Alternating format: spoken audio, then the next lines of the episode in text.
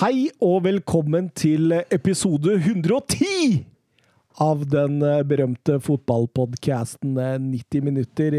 Jeg sitter som vanlig her i eh, et studio i Strømmen sammen med Mats der Barberos Granvoll. Granvold. Ikke så vanlig, vel. For jeg har ikke sett deg her oppe så ofte, i hvert fall. Det er bare tirsdag du er her. Bare tirsdager. Bare tirsdager. Ja. Men vet du hvorfor jeg kalte deg Barberos? Ja, det er sikkert fordi skjegget gror, da. Ja, nå begynner det, nå begynner det å bli kraftig her. Altså, det er egentlig latskap, bare. Altså. Det, er jeg, det er ikke det at jeg føler jeg er så jækla kjekk med skjegg, liksom. Det er bare det at uh, Når det blir så langt, da, så tar det enda lengre tid å få det bort. Jeg trodde du etterligna Ramos, jeg nå. Altså, det som jeg syns er litt kult da, Jeg har litt rødskjær i skjegget, da. Ja, Akkurat som Messi. mm. Massi. ja Massi. Massi. En som ikke har rødskjær i skjegget, det er Søren Døpker. Hei, hei. Ja, det kan du trygt si hei. Eh, hvordan går det med, med denne ja, Norges mest populære tysker, vil jeg si? Takk for det. Nei, det går, det går strålende. Blir jo, eh, blir jo Helgen blir jo redd, da, for å si sånn, av at Wolfsburg klarte Champions League. For eh, det andre laget jeg heier på, det, det var tynne saker. Men, men da ble det noe øl, da, eller? Ja, det blir jo noen altså Ser vi ikke LSK edru? Det blir jo øl i forkant. Det, det er sorgen å se LSK edru. Altså, var det noen av dere som fikk med dere LSK? i- Ja, jeg så, jeg så den. Ja.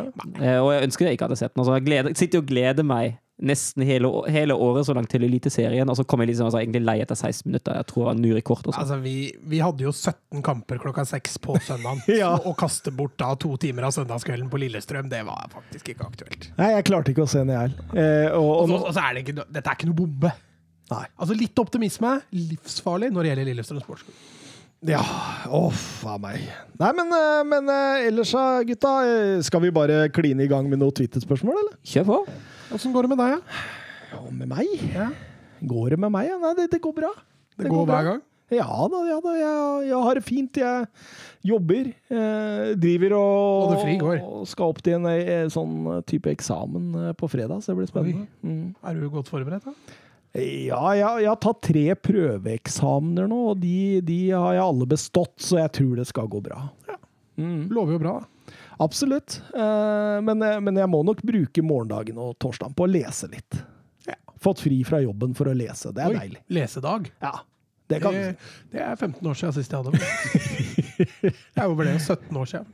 Ja, såpass, såpass. Vi, vi, vi eh, rusler en tur til Twitter, for vi fikk noen spørsmål vi kan ta før vi setter i gang programmet her. Og, og det første er kritikk. Vi, vi tar imot kritikk òg, vi. Eh, Geir ja, men, Halvor øh, er, det, er det Kleiva, da? Er Kleiva, ja, det er siste gang vi leser opp et spørsmål. Eh, Stig Halvor. Nå døper vi noen fast. Nei, men jeg er jo enig med ham, da. Eh, Jeg har ikke lagt merke til det selv, men det er jo fordi jeg ikke hører alt sjøl i ettertid. Og jeg kan jo tenke meg at det er litt sånn, for det er jo tre surrehuer som sitter her. Men han skriver eh, litt konstruktiv kritikk. Eh, Når dere prater om et oppgjør, så si gjerne resultatet etter kampen. Av og til eh, får vi ikke med oss hvordan kampen gikk. Ja, og det er jo veldig, veldig lurt at vi gjør. Det er jeg jo helt enig i. Ja, men det er for så vidt. Hvis vi i tillegg er så dårlige til å prate om kampen at de ikke skjønner resultatet uten at vi må si det til slutt, da, da må vi gå litt i oss sjøl, faktisk.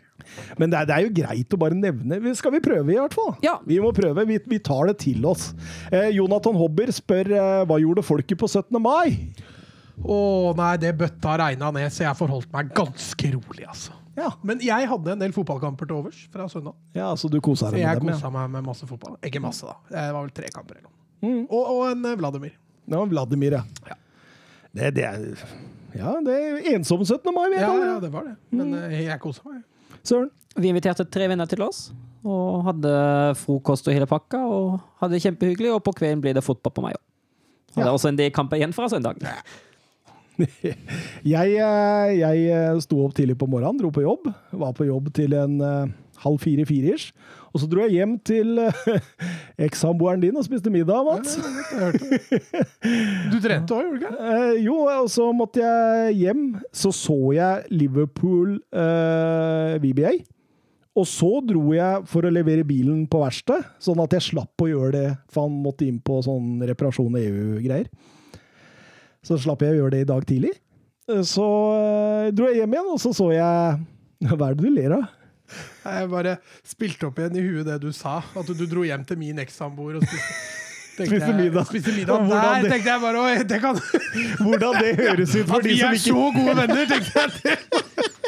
Ja, vi er jo gode venner, men, er men det skal jo sies at uh, min samboer og din ekssamboer er jo også veldig gode venner. Det er så der, er der linken ligger. Er riktig.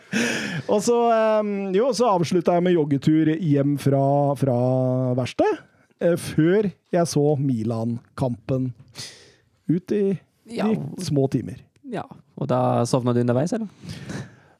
Det var ikke noe særlig å se på, men det kan vi komme tilbake til. Eh, Didrik Tofte Nilsen han spør når skal dere lage verdens lengste podcast-episode. Vi har jo snakka om at vi burde få det før vi flytter fra dette studioet inn i neste. Så da sier vi før 1. juli, da. Skal vi si det? Ja, vi kan si det. Mm. Det må planlegges. Hva om jeg sover mye. Sånn at jeg Ja, vi ut. har en sofa i studio, det går an å rullere der. Gjør Blir ikke, blir ikke prank selv da, når vi går på den 30. timen. Da våkner du opp med bart og hele pakka. Kanskje Søren får en sånn der, Eh, og Anders Hansen på Twitter forsvinner Premier League fra programmet deres nå når ingen kommer til å ha råd til å se på det uansett. Eh, prisene var allerede for dyrt for en som meg, så nå blir det faktisk helt Jon Arne Krise. Nei, Han må jo bare ha det. Men det jeg tenkte vi kunne gjøre, var å bytte på. Bytte på. At vi spleiser. Du tenker på sumo? Ja. Men jeg kan ikke se sumo, der forsvinner dem. Jeg, jeg må Men, men Nei, de kampene ligger der lenge. De ligger der ikke alle. Er du sikker på det? Ja, helt 100 sikker. Det er derfor jeg kvitta meg med det. Ok, ok. Men, men øhm, nå, nå, nå ryker vel Strive, gjør ikke det? Etter denne sesongen? Jeg tar ikke dem over Spania nå, TV 2. Jo, så da får vi jo to i én der, da. Ja, men altså, vi, vi, det blir jo fortsatt dyrere å ha TV2 Sumo nå enn det var å ha Strife og TV2. Det gjør det jo. det gjør det jo. Men likevel, vi må Men- jo se det positive på Ja. det, fordi vi kan jo ikke Men tar dem også Serie A? Jeg tror det. De har i hvert fall noe der. Eller ender opp med at vi må ha Strive uansett fordi dem har Serie A? Nei, jeg tror Serie A og La Liga gikk vel over til Sumo, men jeg kan ta feil.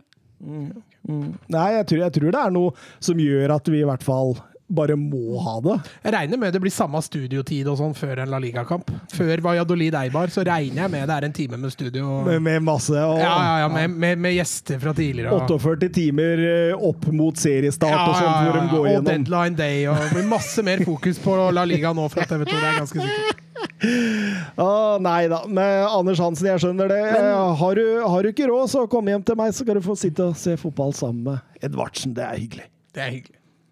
Du har fått en til fra Anders Hansen, Thomas. Har du sett det? Nei, fortell. Nei, fortell. Nei da kan jeg, da kan jeg Da kan du ja. stille, vet du. Thomas, jeg skal være far mot deg i dag. Ville du gitt, nuss, gi et, nu- gitt et nuss eller mandalsnuss til følgende? Vi starter med Abid Raja. Mandalsnuss. Ja, er, er det er enten-eller? OK, greit. Ja, ja, nu- nuss, da liker du ja, mandalsnus. Da skjønner, er du litt lei. Erna Solberg. Ambivalent, altså, men, eh, men eh, jeg, er ikke, altså, jeg er jo full av hat. Eh, nei da, nei, du skal faktisk få en nuss. Jeg syns hun er ålreit. jeg. Mats, når han ikke respekterer quizmaster. Det er et det er, er Glasgow-kiss. Vi må enda lenger, faktisk. Melina Johnson. Hvem er det? Melina Johnsen, kanskje. Hvem er det? Ja, jeg veit ikke. Melina Johnson? Johnson. Eh, Beklager, Anders. Hun veit jeg ikke hvem er. Eh, Googler du henne for meg nå? Ja, jeg gjør det. Ja, ok. Men uh, Melinda Johnson. Meli- Melina. Melina. Melina. Melina okay. Johnsen. Hun var høyt oppe, i hvert fall. Oi. Og ja, det er jo hun der fra Paradise Hotel. Hun influenseren. Eh, Få se bilda. Få se bilda.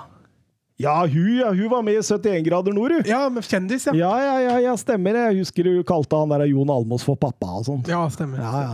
Og Erik Follestad var bror. Ja, jeg, det, det blir Glasgow. Martin Ramsland. Det Ja, det, det, det blir også et uh, godt gammeldags mandalsnus. Politiet og sikkerhetsansvarlige i Molde FK. Jeg, jeg er jo fan av politiet. Jeg har jo mye samarbeid med dem i mitt daglige virke. Så, så, så jeg sier heller nuss der, jeg. Men jeg, jeg er ikke veldig fan av han der av sikkerhetsansvarlig der. Det er jeg ikke. Uh, meg, og da menes Anders Hansen sjøl, altså Anders Hansen pga. de som kommer nå, altså den lista. Jeg gir Jeg Anders Hansen faktisk. Han går, Ja, en, du går enda lenger enn et nuss. Jeg, jeg, vet hva, jeg liker Anders Hansen, så jeg har jo nettopp invitert den hjem for å se fotball. jo. Ja. Det er lur. Det er lur. Møter han i døra med ordentlig Glasgow. Velkommen! Ja. Og den siste, Sørens bedre halvdel. Eh, kona di? Eller ja, samboeren din? Ja, men hun har jeg jo aldri møtt. Nei, men deg, gir du et Altså, der har du ikke noe Men- men jeg- jeg- jeg- jeg tør ikke å gi-. Jeg tør ikke, å gi henne et nuss, liksom. Så. Nei, men altså, Hvis det står mellom nuss og mannelses foretrekk, at du gir henne et nuss Ja, men det gjør jeg faktisk. Jeg, jeg, fordi eh, hun er sammen med en skikkelig grepa kar som deg, Søren, og da må hun være en ålreit uh, frøken. Jeg kan bekrefte at hun er ålreit. Ja. Uh, er dere klare for Takk for den, Anders Hansen. Som sagt, invitasjonen står. Bare komme. Eh, send, eh, send private Si fra på forhånd. Ja, ja, ja, altså vi, vi får alltid fiksa han inn, på et sett og vis. um, jeg, er dere klare for ti vakre spørsmål? Klare og klare fru Blom, da. Det, vi, har, vi har funnet ut at denne er jo ganske, ganske så eh, Altså, for dette kan fort avgjøre skjebnen her. Altså, hvis Dupke vinner nå, så er- blir den vanskelig å ta igjen. Ja, jeg fant jo ut at det er vel tre runder igjen etter denne, og dermed kan jeg få maks to poeng etter den runden her. Og, Og Søren leder nå med to.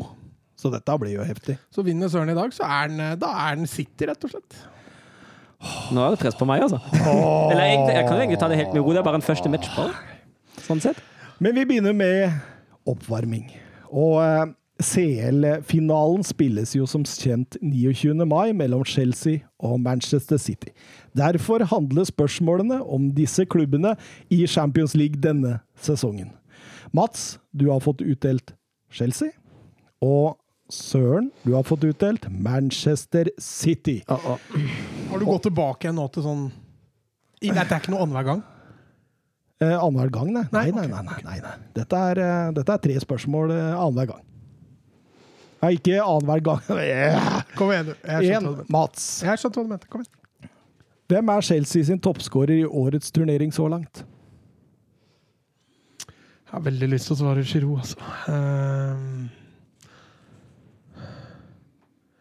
Nei, jeg svarer Giroud, jeg. Det er riktig, Mats. Søren, Mm. hvem er Manchester Citys toppskårer Ja, i årets turnering det, så langt? To stykker deler den, Ja, og det, holder med at du svarer ja, en av dem. håper jo at Kevin De Bruyne er en av de. Svaret er Kevin De Bruyne. Ja, må nesten svare det. Eh, Det er feil. Ja. Mares og Ferran Torres har fire hver. Eh, Mats, eh, spørsmål to. Hvilket lag slo følge med Chelsea fra gruppe E? Å, nå holdt jeg på å svare Ajax, men det er feil. Det var vel Var det Valencia? Valencia, Ajax, Chelsea og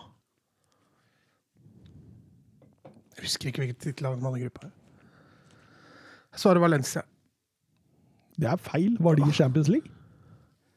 Nei, det var det. Det var det andre spanske Sevilla! Sevilla! Men det er faktisk Herregud. Han sa feil!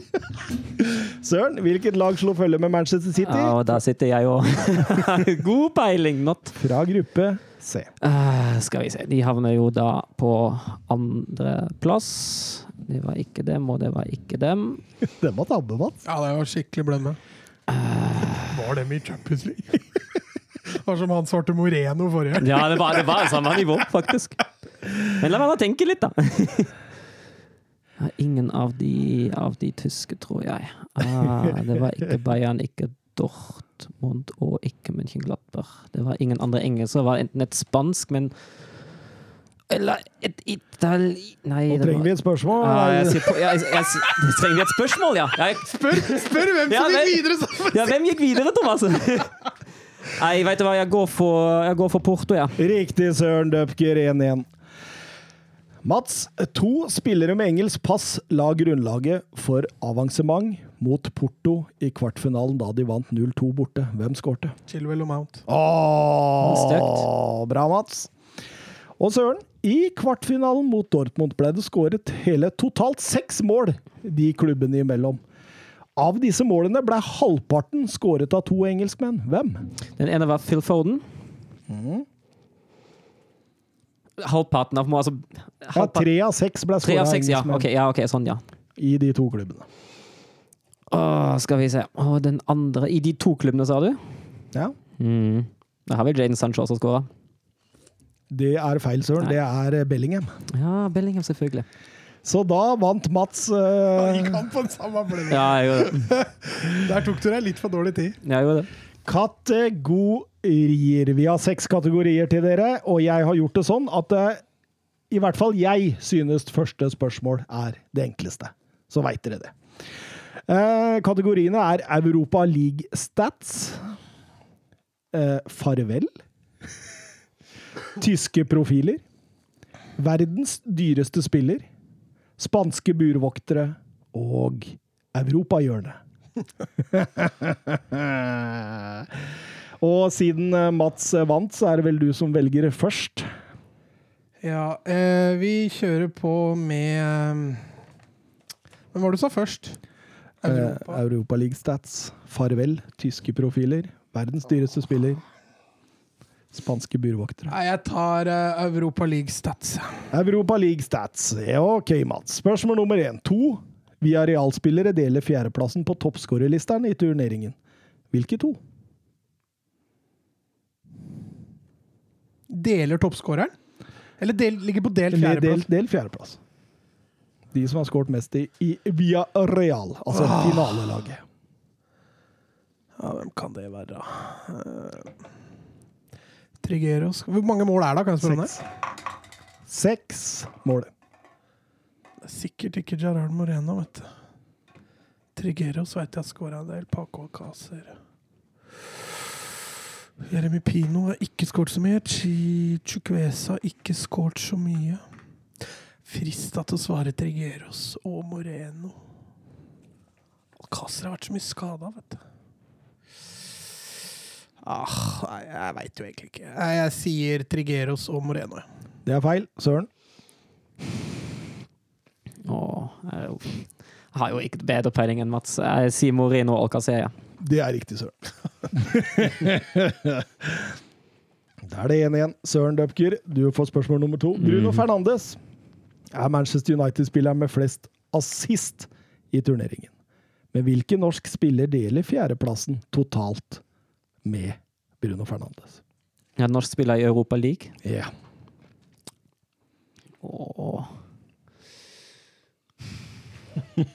Det var litt vanskelig, da. Mm, Molde, kom, Molde kom jo langt. Magnus Wolff Eikrem. Å, det er så riktig, Søren! Den der, der er jeg sterk, altså. Jeg trodde jeg hadde dere litt der. Jeg tenkte dere skulle tenke utenlandske klubber og Ja ja, Søren, da får du velge Ja, kategori. spanske burvoktere. Spanske burvoktere, ok. Iker Casillas med sine 167 landskamper er den keeperen med flest landskamper i Spania. Men hvem ligger på annenplass? Oh.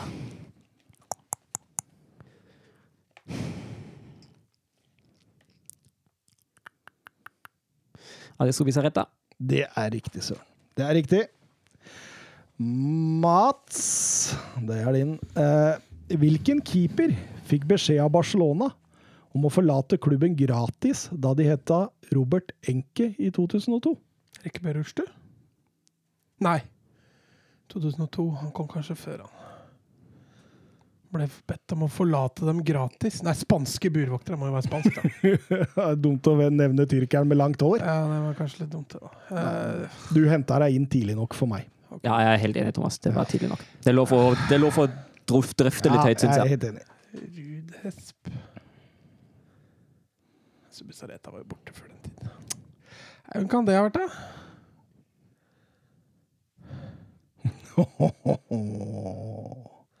Robert Enke, er ikke han død? Ja, han tok selvmord i 2009. Skikkelig trist. Skikkelig triste greier, altså. Nei, den der tror jeg ikke jeg veit, ass. Da slenger du ut en, eh, en Ja, men gammel jeg har ikke noe gode Jeg har ikke noe gode Alternativer? ja, Altså Vitor Baja, men han er jo ikke spansk. Nei, jeg må melde pass. Jeg har ikke noen Oi, oi, oi, søren. Jeg må bare gjette. Jeg vet ikke om han var i Barcelona en gang. Pepe Reina. Helt riktig, søren. Helt riktig.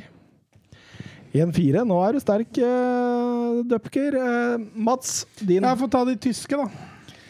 Det gjør du sikkert lurt i. Eh, vi skal frem til en spiller med tysk pass som har flest Premier League-gull på sin merittliste. Han tok to gull med Chelsea og ett med Leicester.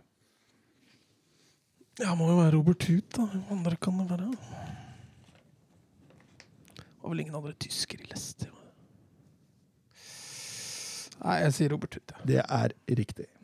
2-4. Søren. Mm. Tony Cross slet med å slå igjennom i Bayern München.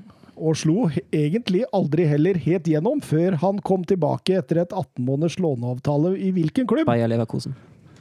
Den uh, Søren og tysk, det er ikke Det er ikke lett. Jeg tror han skåra sitt første Bundesliga mot Wolfsburg også. I, Le I. Leverkosen, hvis jeg ikke husker helt feil. Dupker, du har igjen uh, farvel. Du har igjen eh, verdens dyreste spiller og europahjørnet. Gi meg europahjørnet, da. Europahjørnet, hvem er kaptein for Ajax i dag? Oh, det bør jeg jo vite, det. er jo mitt. oh. Men det er litt bra, vet du, for da får Mats sitt lag. Oi, oi, oi, oi, oi. Det bør jeg jo definitivt vite. Og er det Davy Klasen? Det er feil, Søren Døpker. ja, det der har ikke jeg peiling på heller. Er det Daily Blindt, da? Tagliafico er det vel ikke. De andre er som spiller på midten av Gravenberg. David Neres. Nei, jeg sier Daily Blindt, jeg.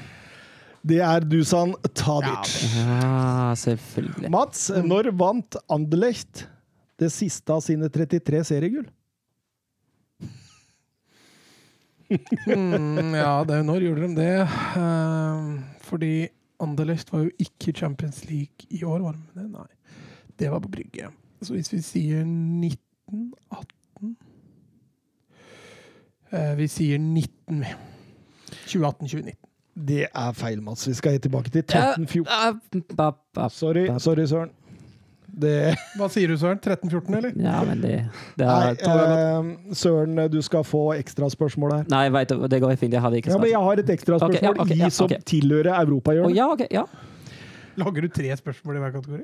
Nei, men dette her var ekstraspørsmålet, og så Ok, eh, eh, Men eh, nå blir det tipping. Åssen ti- tiår blei Porto stiftet? 1900-tallet. Ja, 1900 til Eh, Altså 1900 til 1910. Det er riktig. Det er 1903 var det? 1906. 1906, ja. Så det var sterkt, Dupker. Eh, vi går videre til Mats. Eh, da har vi farvel, og vi har Ah, verdens dyreste spill. Farvel. Farvel. Et gammelt, mye omtalt storlag på 90-tallet har vært klar for Serie B i lang tid, sammen med Crotone. Hvem? Et storlag? Et storlag på 90-tallet. Det må jo være Parma. Eller Hva var det siste laget? Nei, det må være Parma. Jeg sier Parma. Det er riktig, Mats. Der er det 3-6, Søren Døpker. Mm. I League Ø har ett lag vært klar for nedrykk i lang tid allerede, se, og fikk følge med NIM denne Mm. helga. Hvem? Det var vel Dijon. Dijon. Det er riktig. Eh, Søren Døpker, du er sterk, ass. Du er skikkelig sterk. Eh, da går siste til Søren, verdens dyreste spiller. Mm. Cristiano Ronaldo ble hentet som verdens dyreste spiller i 2009, da han gikk fra, Bayern, nei, fra, Bayern München. fra Manchester United til Real Madrid for 80 millioner euro. Hvilken spiller slo den rekorden i 2013? Gareth Bale. Det er riktig, Søren Døpker. Eh, Mats Maradona ble verdens dyreste spiller to ganger på rad. Ronaldo Nazario holdt på å kopiere dette 13 år senere, hvis det ikke hadde vært for en engelsk superstjerne som sneik seg imellom. Hvem? Ja, han holdt på å kopiere. Ja, han blei verdens dyreste spiller en gang, Og så så kom kommer det en engelsk- superstjerne, og så ble han verdens dyreste spiller. eh, I 2013 Mellom overgangen til Barcelona og overgangen til Inter Milan for Ronaldo. ja, Men du sa 2013? Nei, Oh, ja. Jeg har ikke sagt noe 13 år til 13 senere. år senere. senere. 13 år senere. Du er litt eh, fjern i dag, eh, Grana. Ok, ja, Da er det jo på starten av 2000-tallet. Var det David Beckham, eller var det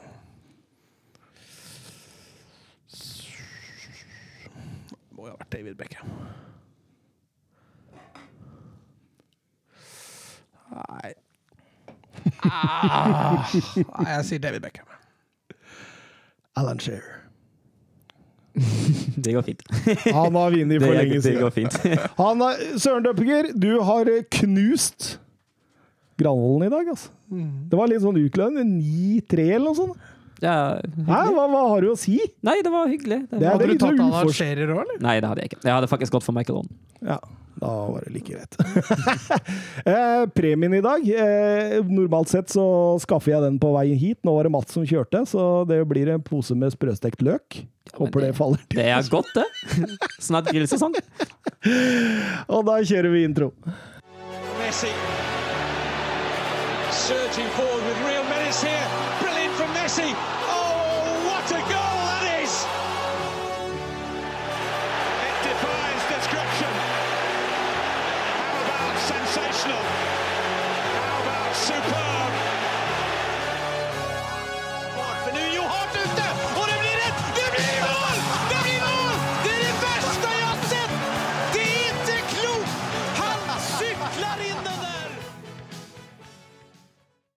Ja, da, da går vi rett og slett rett til Newcastle og Newcastles oppgjør mot eh, Manchester City. og Newcastle måtte stå æresvakt uh, før kampen der, uh, da City hadde sikra seriegullet, Mats. Er ikke det ganske vanlig? Ja. Jo, men det er jo, uh, det er jo deilig å se da, at man står klar. Gjør man det i alle ligaer? Gjør man det i La Liga? Ja, Ja, der gjør man det. Det er Siste gang det var skikkelig kontroversielt, var når Barca sto for uh, Real Ja, Madrid jeg i 2008. Ja, ja, ja, ja, ja. Stemmer det. Stemmer det. Så det er ganske vanlig i de fleste ligaene. Men jeg var, jeg var det vanlig i England før? Jeg tror det er blitt litt nytt okay. i England okay, okay. eh, siste åra. I Spania veit jeg det har vært vanlig veldig lenge. Og så var det hvem som nekta å stå æresvakt uh, i fjor. Var det noen som nekta? Ja, Oi. det var et sånt hatlag eh, som nekta å stå æresvakt. eh. Det er heftig. Det er heftig. Å, Eh, så- så- herregud, det går så sakte i dag. Mm. Jeg så at Bayern München-spillere sto æresvakt for Lewandowski når han pulta i 40 nå. Ja, det var jo på sin plass. Men uh, i Tyskland så vi ikke æresvakt for regjerende mester, tror jeg. Gjør ikke det, nei?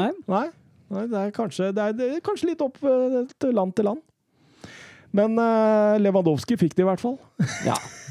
Ja, vel fortjent det.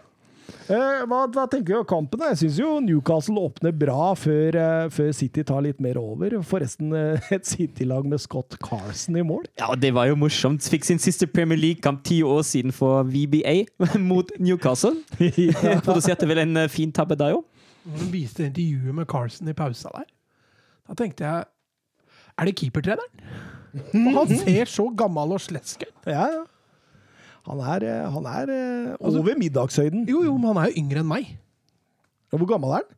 35. Nei, Jo. han er eldre enn det. Nei, han er fett, han er er 35. 35. Jeg var sikker på hva han var. Jeg, hvis jeg skulle tippe uten å vise noe Jeg tror kanskje jeg tippa nærmere 50. Ja. ja, det tror jeg nesten. Jeg tror det. 35, altså. Han Ja. var eldre, eldre av fot. Altså. Ja, har dårlig, heter det. Men, eh, men eh, selv om City tar mer og mer over, så er det jo Newcastle som eh, skårer etter et hjørnespark. Og, og, og Chilwell har en i tverrleggeren der rett etter. Da, da tenker man nå er City litt ute og kjører. Chilwell. Sitt, uh, jeg skjelver. Okay. Ja, men det kan godt hende jeg sa det. Jeg er jo helt på jeg jordet i også dag. er i tåka. Det blir bra sending. Tenk når vi skal sette sånn verdensrekord! Vi kan begynne på den 30. timen. Ja, men jeg er enig. Altså, altså, de, de overgangene til Newcastle skapte jo, skapte jo litt trøbbel for City underveis. Uh, særlig når favorittspilleren Sant Maxima var involvert. Han, uh, han var en uh, konstant trussel. Deilig, deilig type, altså.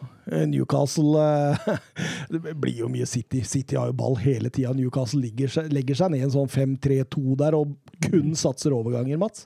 Ja, det har vært Newcastle hele år, omtrent. Uh, nesten uavhengig av motstander. I hvert fall når du møter topplaga, så er det, det er defensivt. Men altså når det er City, da, jeg tror du går inn med en sånn veldig mental greie på at du veit du kommer til å ha lite ball. Um, Og Newcastle tar egentlig bare masse hensyn, og så, og så prøver de å ta de mulighetene de får. Og de veit at kontringer, og så vinner vi dødballkrigen, så, så er det en mulighet. Men jeg syns jo de overgangene nå var litt mer planlagt enn vi har snakka om tidligere i sesongen. Det så litt mer plan ut med tanke på løpene som uh, Joe Linton og Sant Maxima tok, med tanke på hvordan de fulgte opp spillerne uh, foran forsvar på overgangen. Jeg syns det så litt bedre ut enn den planløse vi slår langt og håper at den ikke kommer snart tilbake. Jeg Syns Jolenton også var bedre feilvendt enn jeg har sett den på lenge nå. Og det Murphy, irriterer meg når jeg ser Newcastle. OK.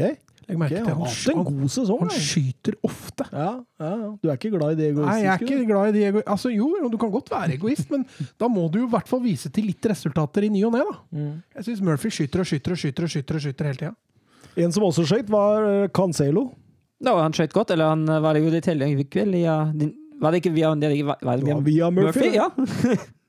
ja. I- 1-1 der. Og, Ja, og, det, og det måtte jo komme via venstresida, for det er venstresida til City som var det soleklart mest aktive. Mm. og så kom vel kanskje kampens høydepunkt. 1-2 der, Ferran Torres.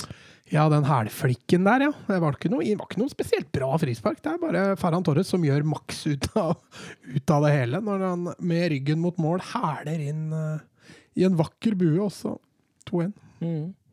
Men én spiller i denne kampen. altså Nå, nå kjørte jo City ganske B-prega lag, det er lov å si det. Ja. En som skuffa meg fælt. Nathan Akay. Ja. Og han har vært av, altså. Ja. Jeg synes ikke han har vært Det er ikke, det er ikke City-materiale. Nei, altså, de skal være glad det at Ruben Diaz slo gjennom, for å si det sånn. For uh, hadde de stått bak der med Kay hele sesongen, så tror jeg ikke dette hadde vært like, like robust. Og så tror jeg Diaz gjør Stones bedre enn det Kay og Stones gjør også. Så hvis de også nå mister Erik Garcia, da, så ja, det er de jo avhengig av en Akei som tredjevalg. For rett før pause får Newcastle straffespark, og det er Akay som Kløda. opphever offside først. Eh, før han, som Søren sier, eh, tar stamfoten til Jolinton. Jolinton tar den sjøl. Sett der, 2-2. Og da er man jo litt sånn wow. Ja.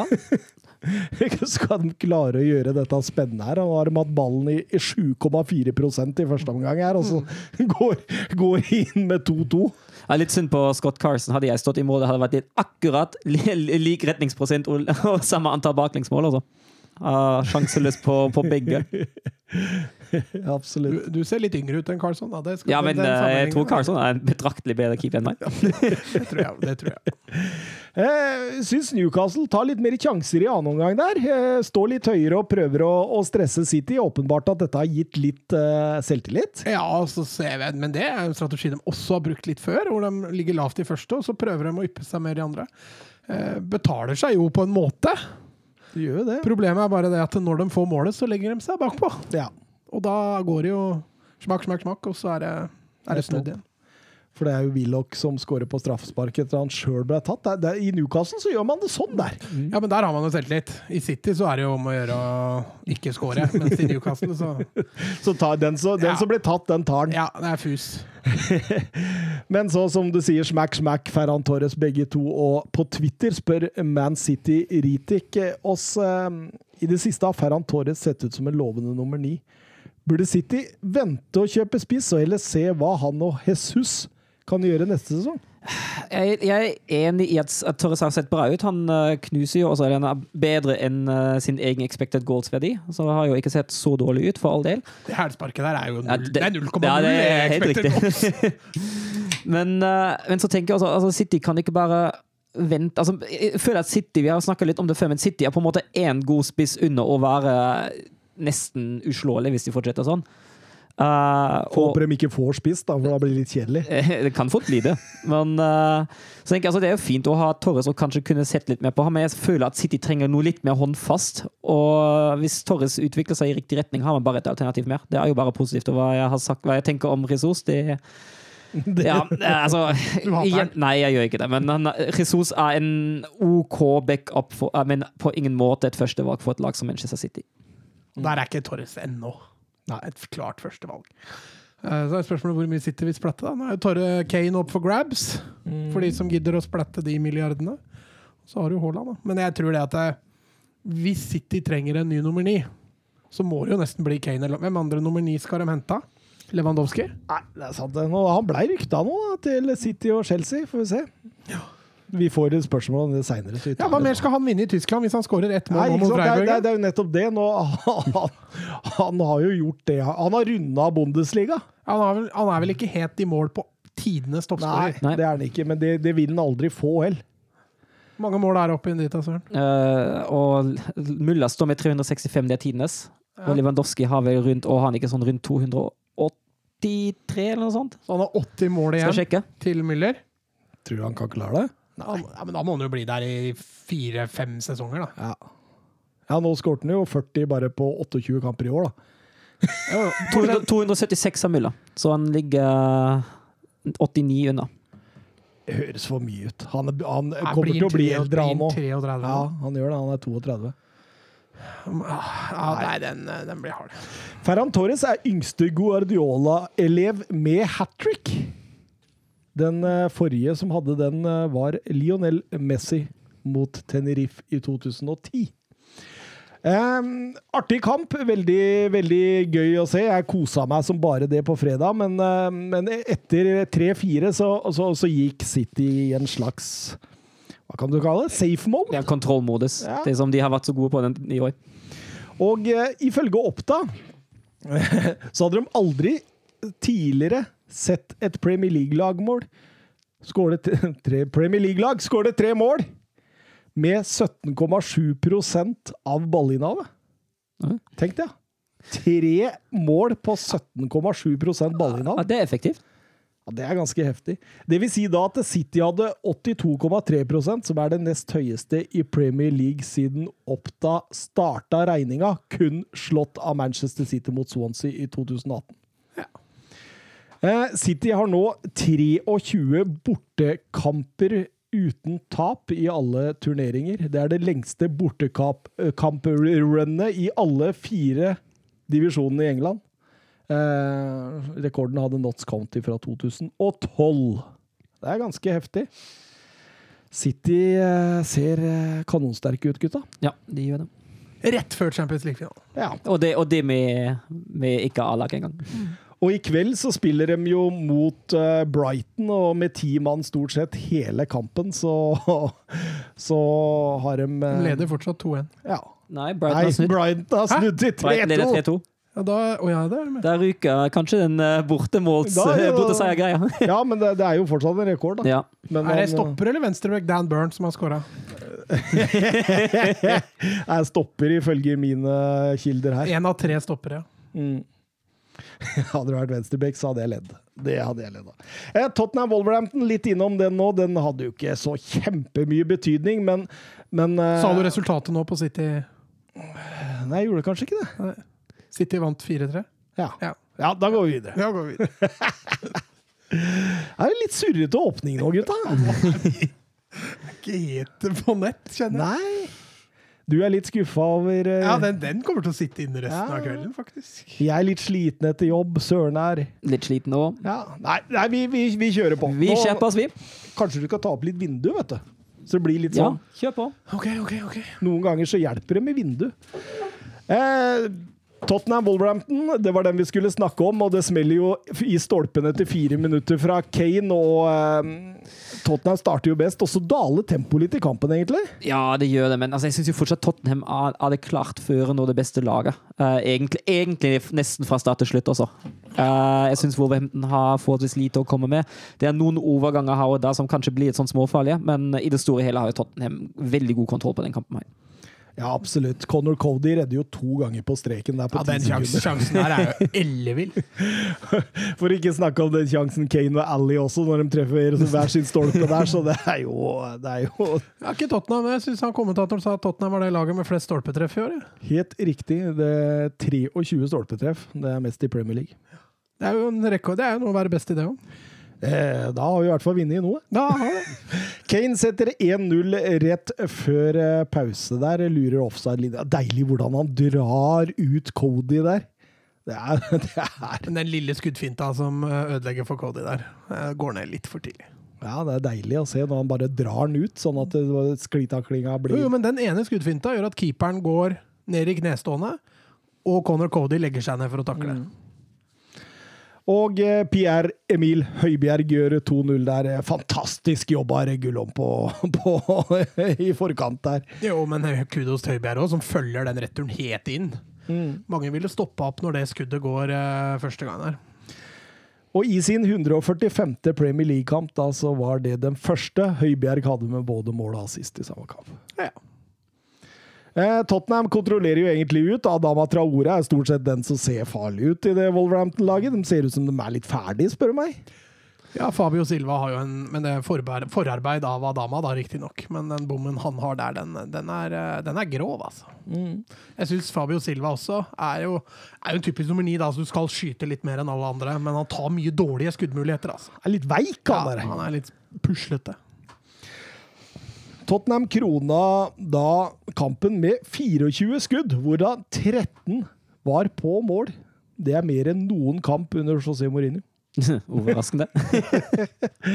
Ryan Mason tar sin tredje strake hjemmeseier i Premier League. Siste manager i Tottenham som gjorde det, var Harry Redknapp. Oi!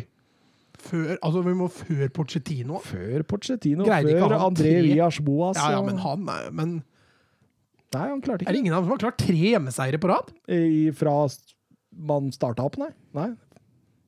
Det er jo fra start, fra man tok over. Å ja! OK, ja. Å, jeg trodde du Syns det hørtes så rart ut at Porcetino ikke greide å vinne tre hjemmekamper på rad.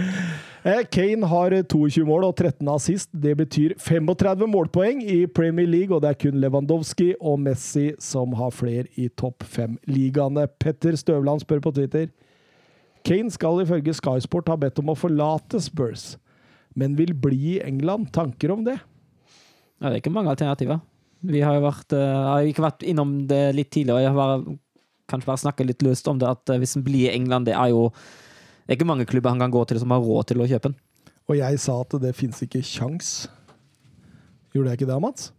For at han drar? Ja. Du sa det i bilen på vei hit, i hvert fall. Eller du sa ikke at det ikke var sjans, men eh, Jeg, jeg så ikke det laget som punger ut med den summen. I så fall City. Hvis de ikke får tak i en annen spiss, så vil han spiss. Ja, Jeg tror i hvert fall argumentet for alder ikke spiller så veldig mye rolle. Så det er vel egentlig et spørsmål om økonomi. Mm. Uh, hvis United vil punge ut, City vil punge ut, og så Arsenal er jo sjanseløse, selvfølgelig. Så spørsmålet er Chelsea, da. Man vil gå dit. Jeg, jeg, jeg, jeg, vet du hva, jeg tror det der, der er dødfødt. Altså. Du, du, du, får, du skal forhandle med Daniel Levi.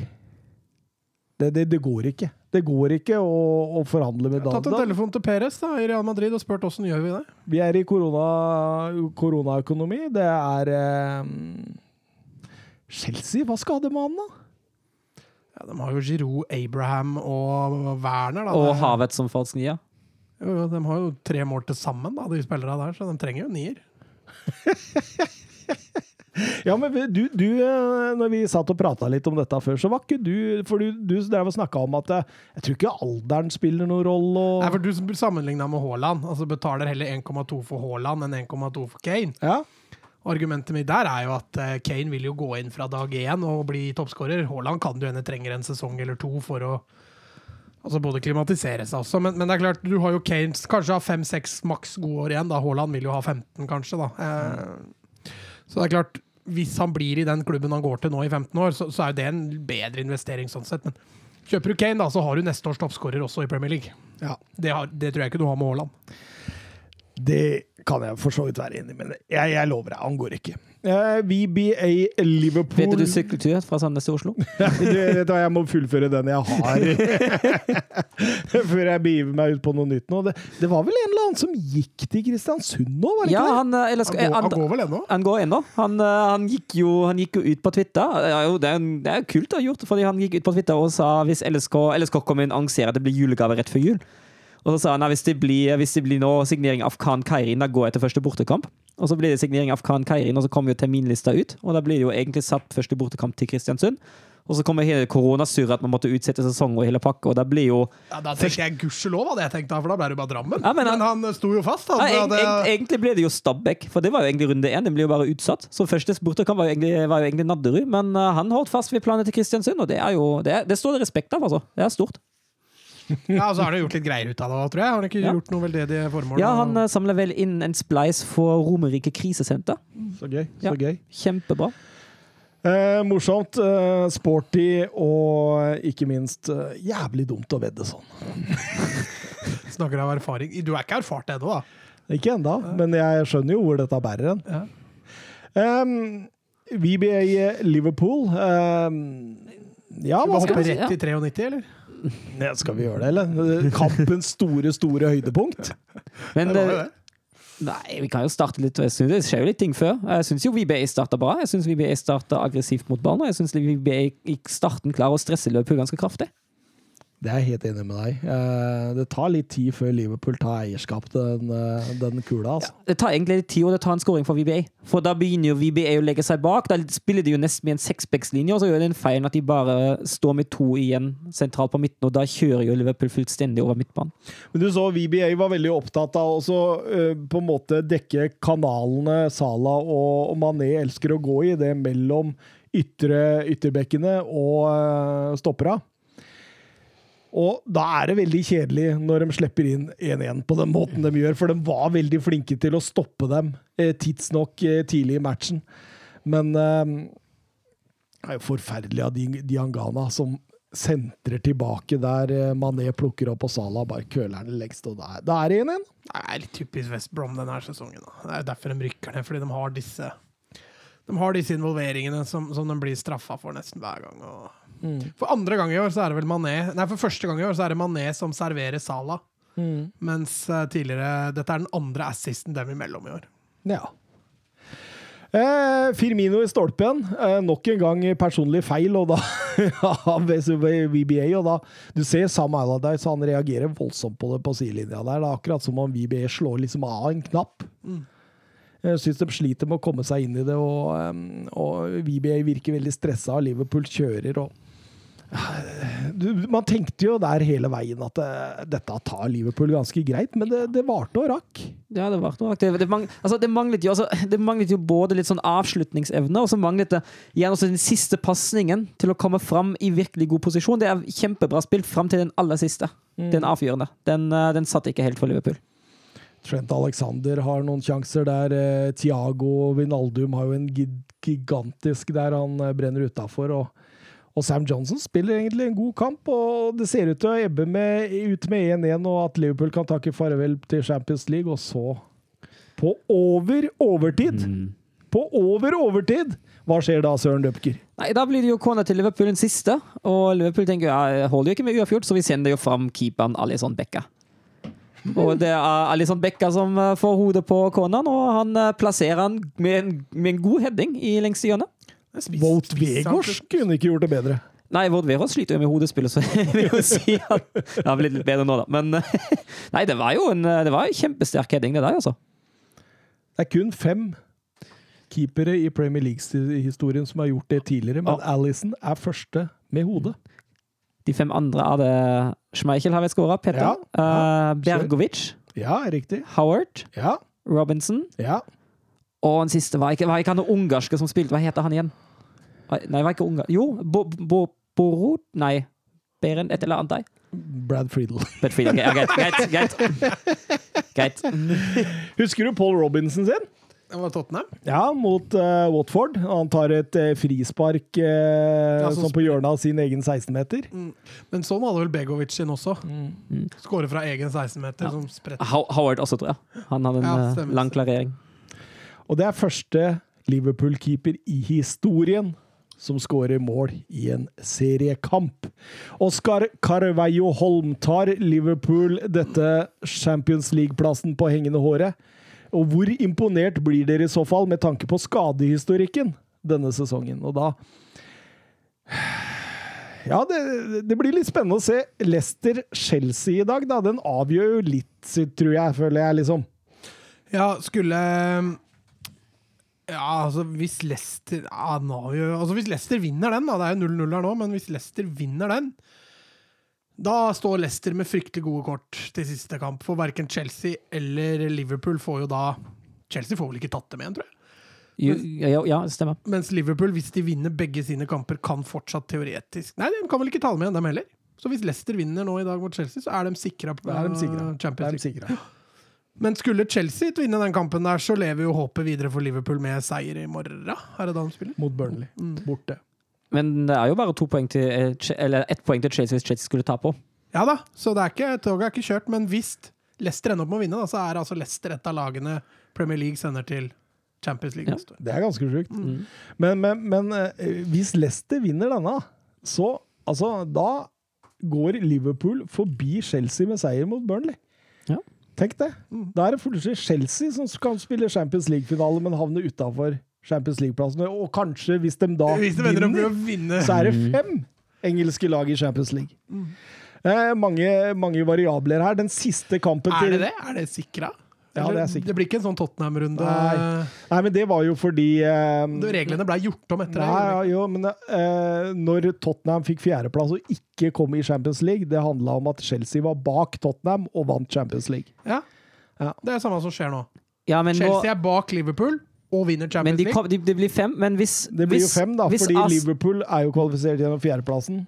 hvis Arsenal også skulle ha vunnet Europa League, da hadde fjerdeplassen falt ut. Ja, stemmer, stemmer, stemmer. Det er riktig. Siste kampene, da har Leicester Tottenham hjemme. Så hvis ikke Leicester vinner her, så blinker et lite blått lys, for Tottenham er gode borte mot Leicester. Ja, og det blinker jo også et lys i form av at hvis Leicester ikke vinner her, og Liverpool vinner over Burnley, så har Liverpool bedre målforskjell enn Leicester, og kan jo da eh, med uavgjort, faktisk, i siste kamp, hvor hvis Leicester taper, eh, gå forbi dem. Veldig, veldig spennende. I kveld så spiltes jo Manchester United mot eh, Fulham. Eh, Det blei 1-1. Eh, Den skåringen til Cavani Mats, har ikke- du har ikke sett den enda, du.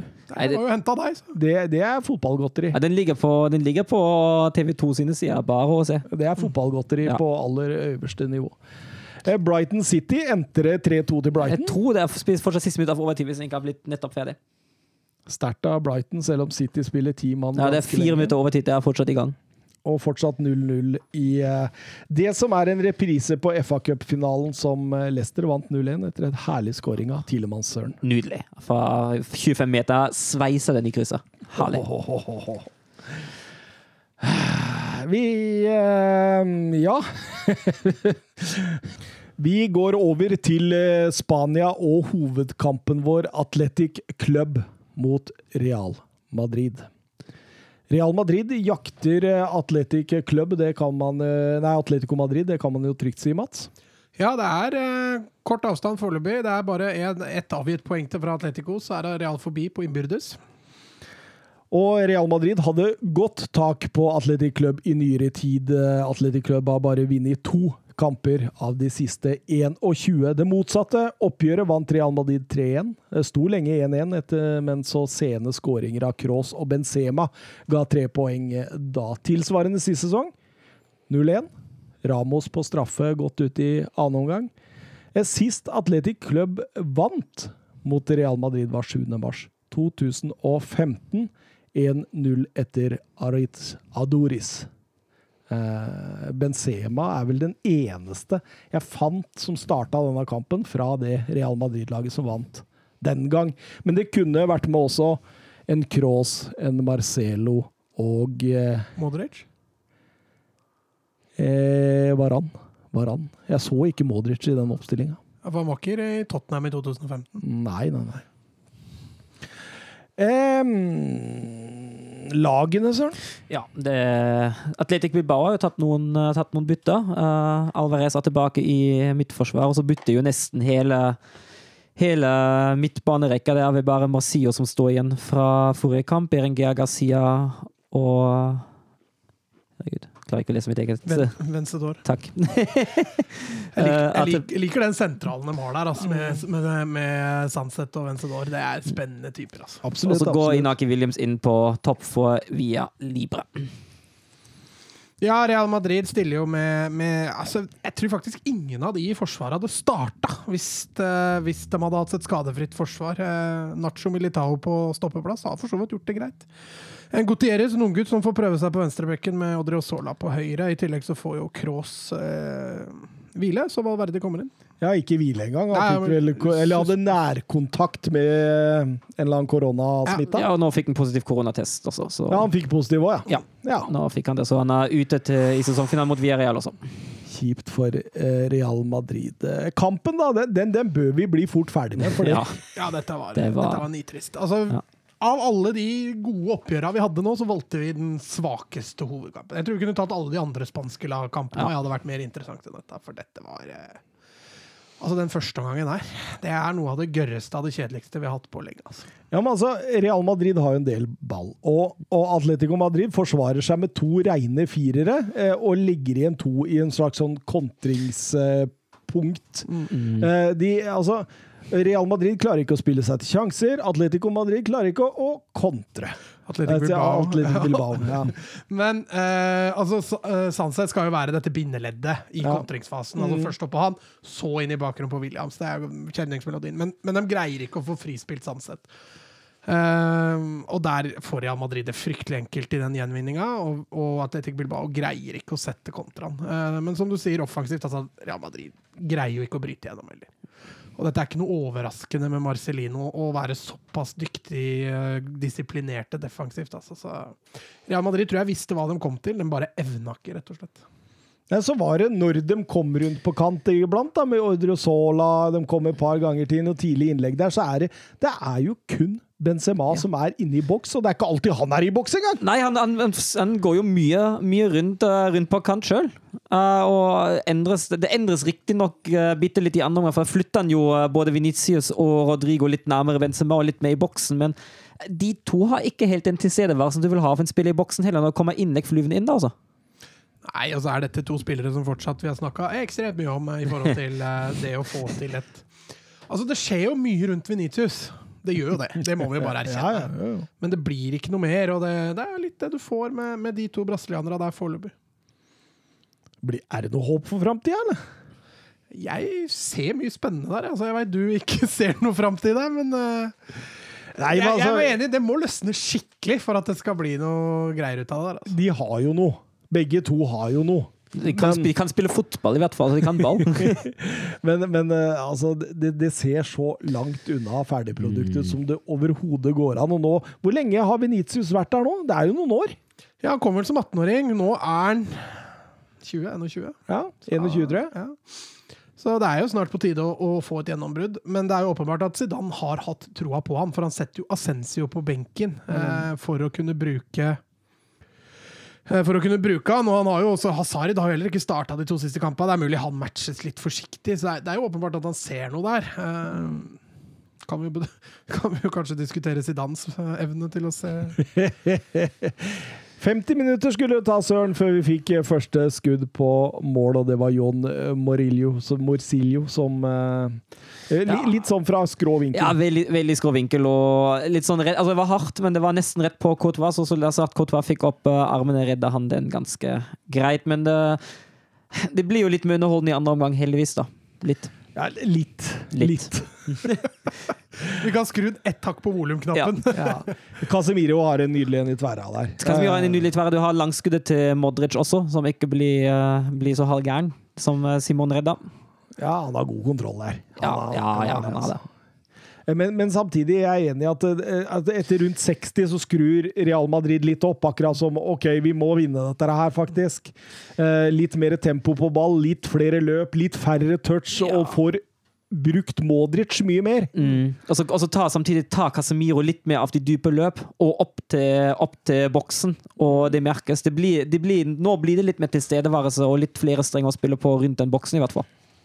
Det godeste Marcelino, han gjør jo tre bytter der. Det er åpenbart at han føler at det nå begynner, eh, begynner Real Madrid å ta veldig over. Mm. Og bytter ja, Jeg liker han via Libra, ass. Han har så sexy navn nå. Altså, han heter Via Libre, liksom. Og skjegg som Mats Granvold. Ja, ja. Ikke så bra, da, men eh, han eh, Nei, jeg er enig med deg. Det er en sånn kul spiller. Litt overraska at de tok ut Williams, for det er liksom Kontringspunkt Ja, ja. Ono. uno. Men åpenbart at uh, her tenkte man uh, ett poeng. Ja, og Raúl Garcia inn der òg, det, det skriker jo etter dueller og kriging. Og, så. Det er åpenbart hva han prioriterer der, Marcelino. Og det tok ikke lange tida før de blei straffa, søren. De ble straffa. Det blir jo jo litt cornerfestival til, eh, til Real. Litt sånn utover, som du sier, fra sånn 60-års. De, de får jo ekstremt mange, mange corner, og en av de cornerne blir jo blir jo da det avgjørende. eh, når Casemiro til slutt får legge inn lavt i boksen, og da står Uh, Nacho. Nacho, ja. Jesus Christ. Nå nå går det treigt. Balenciaga der som gjør en jæklig dårlig eh, klareringsjobb. Rett ut Mm. til eh, Rodrigo der som, eh, som eh, plukker eh, Var det offside? Ja, det var jo offside, men, men eh, i mine øyne så ødelegger jo Benzema mer for Nacho enn han gjør for noen av Bilbao-spillere. Ja. Det er nesten som Nacho kunne klaga på det hvis han hadde bomma der. Han blir jo treffig på han står jo bare rolig og får ballen i kneet eller leggen, eller hvor han får den, og så går han i mål. Så det er jo mye tur involvert òg. Det er mulig han hadde gjort det bedre Ikke bedre, da, det hadde han ikke fått gjort, men det er mulig han hadde gjort det annerledes hvis Benzema ikke hadde gått etter ballen. Kanskje han hadde bomma, da. Da tror jeg også kanskje han hadde bomma, nemlig. For da, ja, nei, vi får se. Men eh, jeg, jeg, jeg er helt enig i at de ikke tar den offsiden der. Ibai Gomez kommer inn. Og en spennende type. Ja, så er han veldig av og på. Ja. Jeg syns han var på når han kom inn her. Jeg syns han var strålende og eh, ligger bak mye. der. Ja, fordi eh, Club de kjører jo litt på. Eh, Real Madrid åpenbart at de har noe å forsvare. Blir litt roligere bakover, og da, og da kommer de til et par gode sjanser der, Mats. Ja, altså jeg syns Bilbao får også litt mer sånn Ikke kniven på strupen, da, men de spiller litt mer hasardiøst. De går litt vekk fra, fra det trygge, gode defensive og pumper litt mer framover. Real Madrid får jo den lille motsatte effekten, da, at nå har vi plutselig noe å tape. Og det har vi sett fra Real Madrid oftere i år, at uh, med en ledelse så er de litt mer eh, defensivt orientert. Og det Og- så vi. Og samtidig er det altså rundt, rundt tidspunktet da Osasuna tar ledelsen i, altså, mot Atletico. Jeg må ikke spoile noe der, da. Så de snakka om det på tribunen der. Ja, ja. Marcel, Marcelo og sånt. Og så var det bare Å, dem har skåret, dem har skåret! Og så bare til slutt, så Nei. Vi, vi, vi må ikke spoile noe. Vi må så. ikke spoile.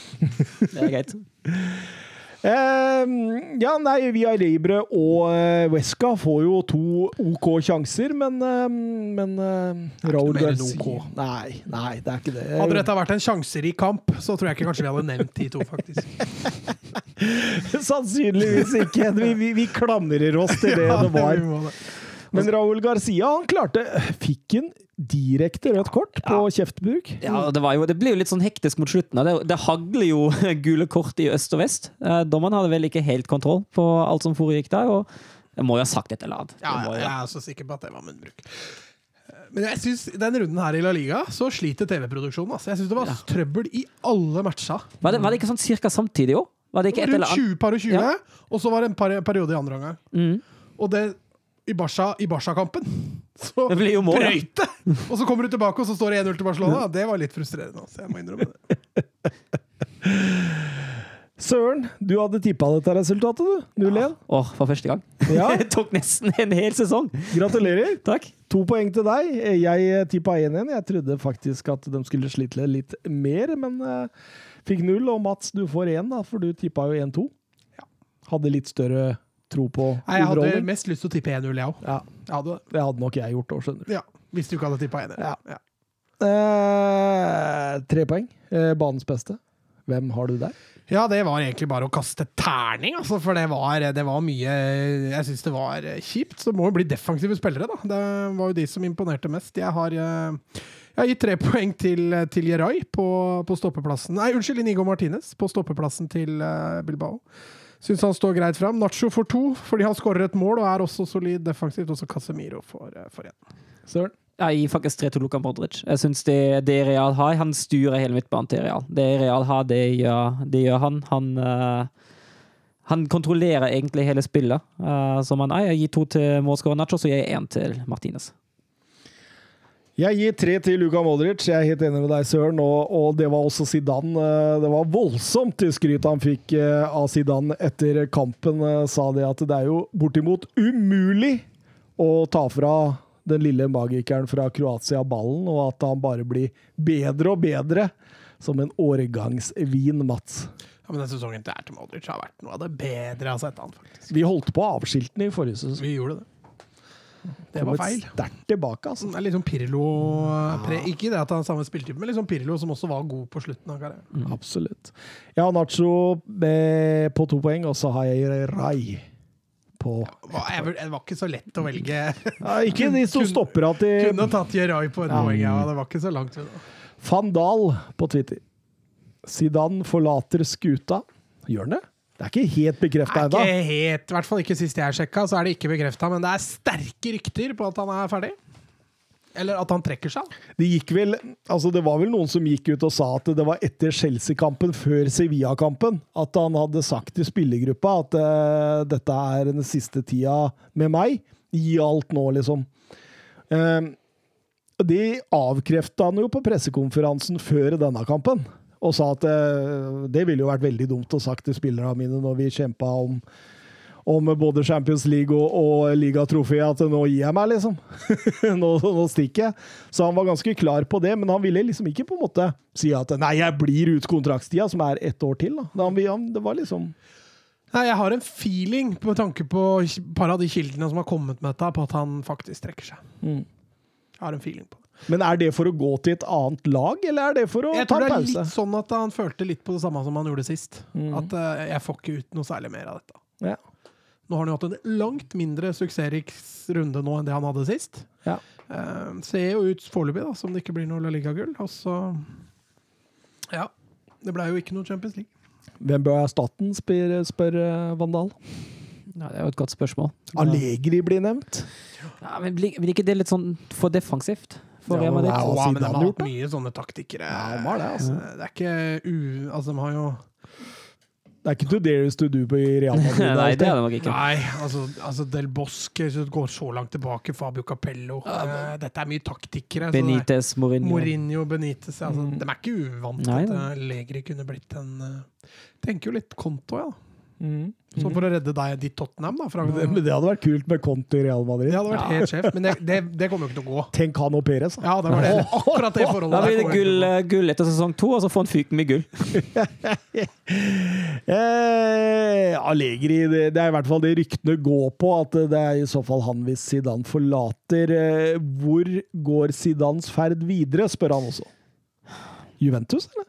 Hvis de ryker i Det hadde han noe sånn voldsomt kjærlighetsforhold til dem? da? Jeg mener du husker han grein seg litt for å komme seg til Real Madrid. Ja, men samtidig så har han vel sagt i et intervju en gang at han kunne tenke seg å trene Juventus. Nei, jeg sier ikke, jeg husker jo ikke det der, så jeg vet jo ikke. Det hadde vært en sånn typisk Juventus-ansettelse òg. Mer, mer, romantikk enn uh... Sparker den ene stjerna for å ansette han andre. Ja, ikke, ikke Men, men, men, men tror dere altså, Nå går det jo diverse rykter om Pirlo også. Eh, hvis han ikke klarer Champions League, tror du han ryker? Ja, men Ryktene går jo på at han får fortsette. Ja, men det, det, det er jo litt diverse, Ja, Jeg- Det er vanskelig, Altså- vanskelig å si, men med tanke på hvilken historie Juventus har med å sparke trener, heller jeg heller mot han ryker enn at han ikke ryker. For det må jo Altså, hvor mange ligagull har en på rad? Og så plutselig skal man rett ut av ACL. Ja, Hvis du tenker hva Sarri fikk sparken for i fjor Det er jo ingenting sammenlignet med deg. Nei, Sarri kan jo faktisk klappe seg sjøl på skulderen og si 'godt jobba'. Ja, ja, for all del. Eh, og dette Juventus-laget her er- Du var litt innom det sist, at eh, Juventus er eh, De står litt på randen. Mm. En ny sesong, eller en ny sesong, en sesong uten Champions League, det, det er ikke bra, altså. Vi går over til Atletico Madrid mot Osasona, og dette, Søren Døpker, det er noe av det beste jeg har sett av Atletico Madrid i hele år. Ja, jeg er helt enig. De, altså, de styrte jo sjappa fra, fra start av, og ikke bare styrte de sjappa, de var offensive. De skapte muligheter. De, eh, det, var, det var gode motsatte bevegelser Uh, i angrepsspillet. Det var godt samspill, det var gode rytmer. Altså, Det var litt Atletico i starten av sesongen. Ja, ja. det var voldsomt bra. Det var Ja. voldsomt bra. Eh, Suárez der kunne jo hatt hat trick bare sjøl i løpet av de første omgang. Ja, og så har de så mange strenger å spille på. Overloader venstresida, vende ut på høyre, slå innlegg, spinne lavt, komme møtene. Altså, det er virkelig godt, altså.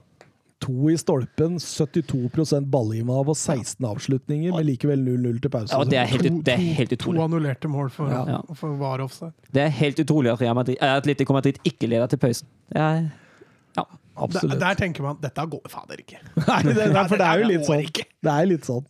Eh, men- Og, og, og så tenker man også det at åssen Atletico Madrid får man ut i annen omgang nå? Men de fortsatte jo bare, Ja. selv om de ikke produserte like mange sjanser som i første, så fortsatte de jo dominansen, og, og trøkka, trøkket var jo der. Trykket var det, definitivt. Det det at de ikke produserte så mye, syns jeg skyldes at Osasuna blir litt bedre til å forsvare boksen. Mm, helt klart. Uh, og, men utenom det, altså, kampbildet endra seg ikke noe nevneverdig. Og det hadde fortsatt vært fullt fortjent at om Atletico skåra både ett og to etter pausen. Absolutt. Men når Atletico jager som verst, så er det Ante Bodimir som setter 0-1 på ut- det første. Ut av absolutt ingen Den, verdens ting! den er jo knapt nok inne. Altså, den er så lite inne også, så det er nesten ikke mulig å score mål uten at det blir skåret. Kommentatoren var helt fra seg av hvor fantastisk redninga til Oblak var, og skrøyt han opp i himmelen idet man skjønte at det var ikke noe redning. Hørte, hørte, var det på den norske eller den engelske du satt med? Jeg satt med den norske, for jeg satt Ja. også på TV. Ja, ok, fordi jeg, jeg, Den engelske sa, uh, var samme, i samme gate, han sa å, jeg tror den er i mål, eller noe sånt. Eller usikker, vi får se. Uh, men hvis den ikke er i mål, er det jo årets redning av Oblak her.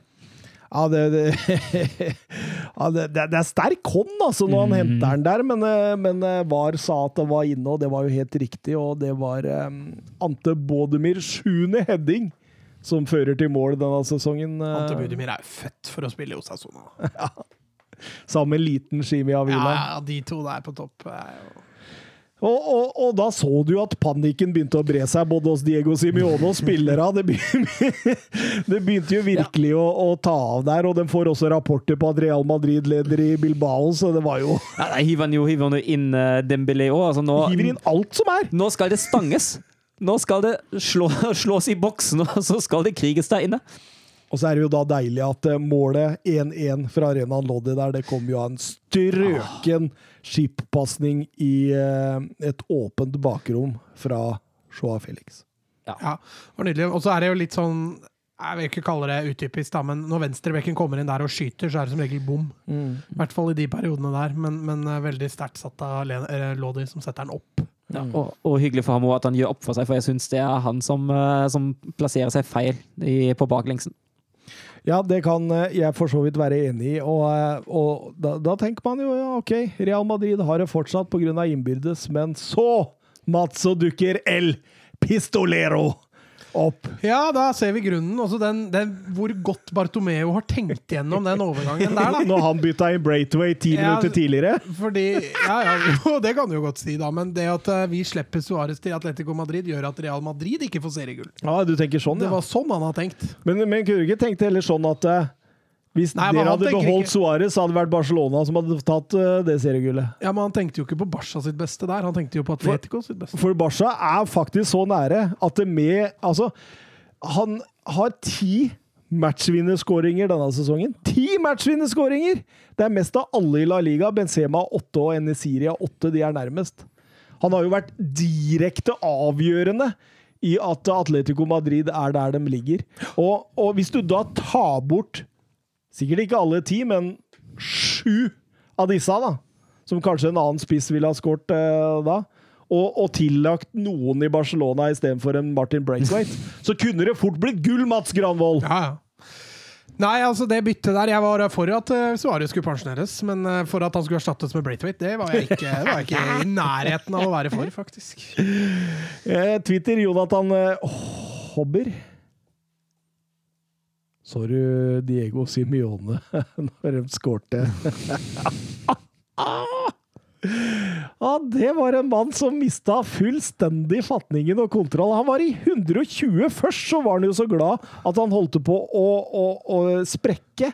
Og løper rundt der i en eufori som uh, jeg knapt nok har sett. Og så blir han lynende forbanna for at Kong Dombia ikke er klar for å byttes inn. Men er ikke det litt deilig å ha sånne emosjoner ved en Det er jo passion av det. synes. Det er jo Det er deilig. Det er nydelig.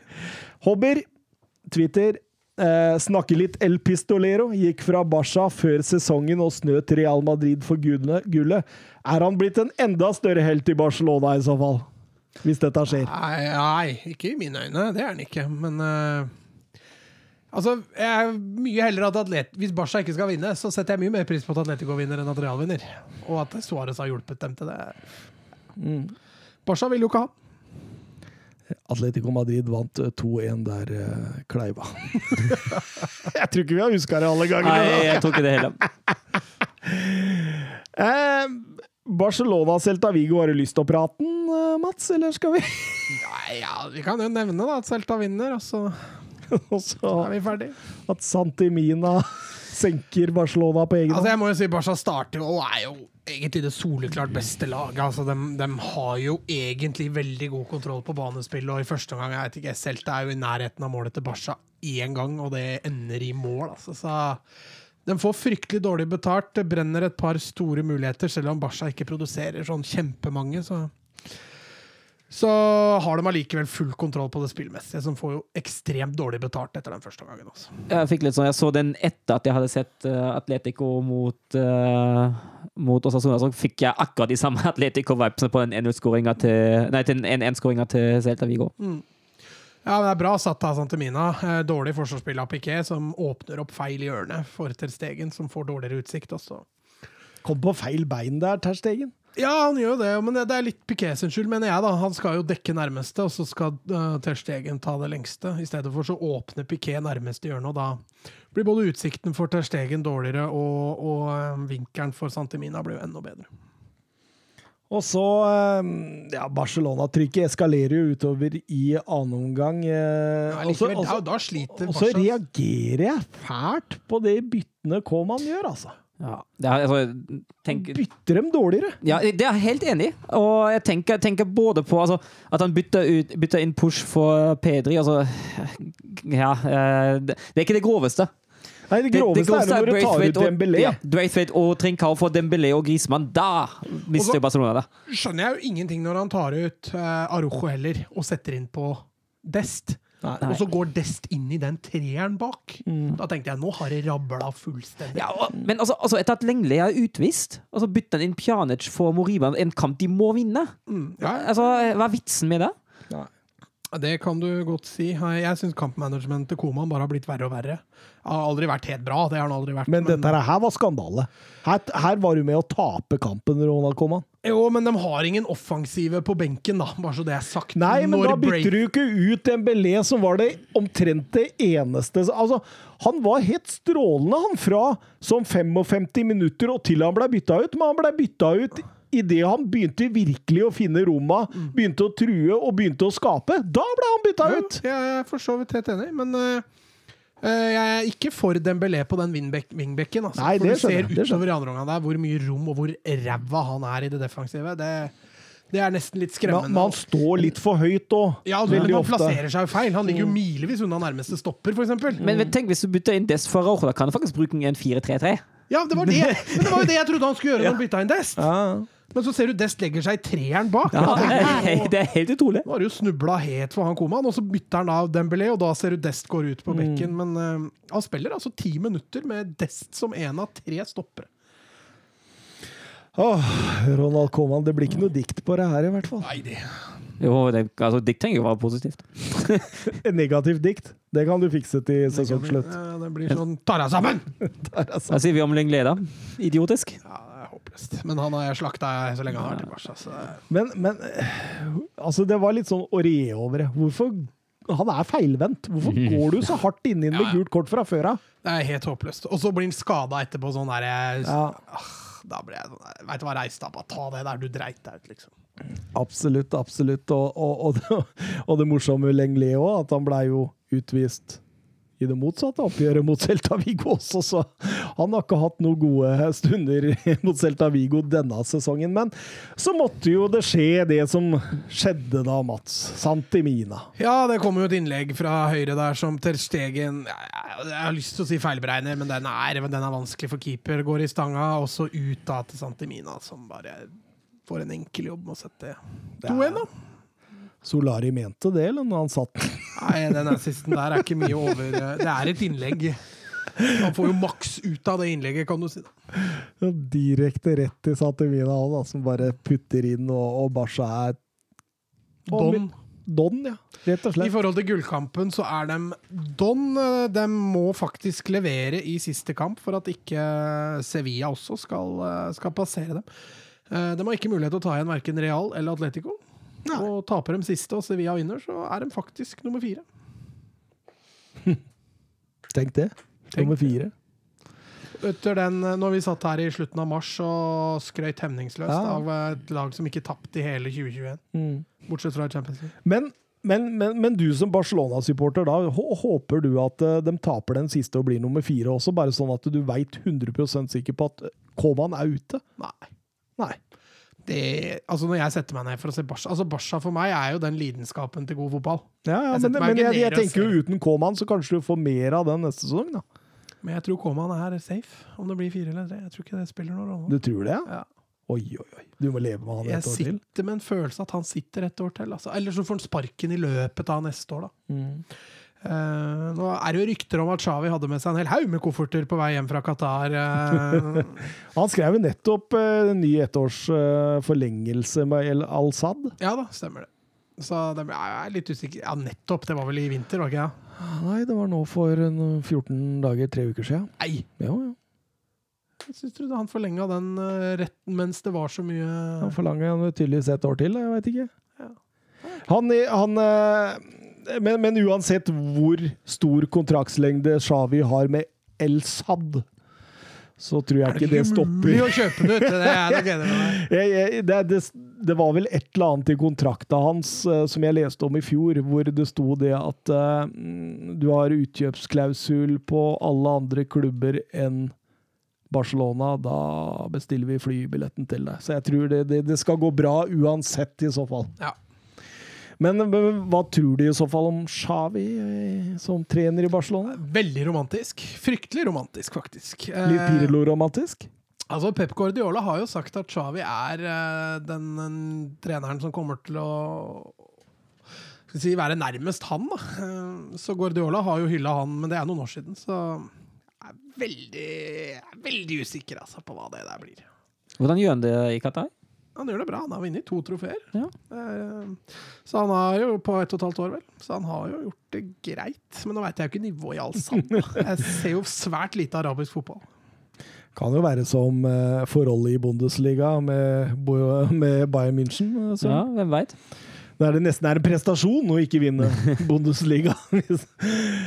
Eh, vi, vi må ta siste kampen i La Liga som vi skal ha også. Det er eh, Villarreal mot Sevilla. Ja, og da full- fullfører vi den tradisjonen med eh, må, en, mål mot spillets gang. Eh, jeg syns jo Sevilla starta soleklart best. Det Skaper er egentlig best til 2-0. Ja, ja. Skaper en høyt med sjanser, så har man en Luke de Jong der i midten som uh... Ja, du liker ikke han. Nei, Jeg syns han er meget ineffektiv. Det er ikke noe imot han personlig, jeg syns han er meget ineffektiv. Det er bare fordi han tar Vegårds ja, plass. så Ja, jeg, det har noe med det å gjøre òg. Definitivt. Nei, eh, men han, altså, han bør jo skåre minst ett mål i den kampen der. Men Diego Carlos skal ikke han ha rødt kort etter 29 minutter der, da han albuer eh, Moreno i ansiktet. Den er bevisst, altså. Jeg skjønner ikke hva VAR tenker på der. Men han står jo med ryggen til, da. Jeg tror det er det som du redder han. ser han får den lille ekstra også. Ja, men jeg tror det er det som redder han. At han får den lille ekstra.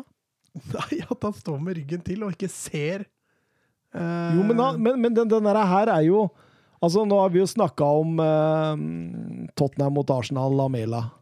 Jo, jo. Den der her er jo i hvert fall på lik linje. Men det er vanskelig når han står med ryggen til og ikke ser den veien han albuer. Hva er det du sier? At Lamela sto med ansiktet mot uh, Nei, jeg, ikke, Nei, nei. ikke tenk på den Lamela. Jeg Men Lamela fikk altså et gullkort, bare. Han fikk ikke direkte rødt, han fikk sitt andre gule. Ja, ok. Nei, nei. Vi snakker om Lamela her. Nei, fordi han står jo med ryggen til og hever albuen. Men var ikke det Vara som gikk inn? Nei, Lamela fikk sitt andre gule. Det var, han, var gikk inn da han, da han la seg mot, eh, mot Martial, men eh, Lamela fikk bare rett, eh, rett andre gule mot Arsenal, tror jeg. Hvis jeg ikke tar helt feil nå.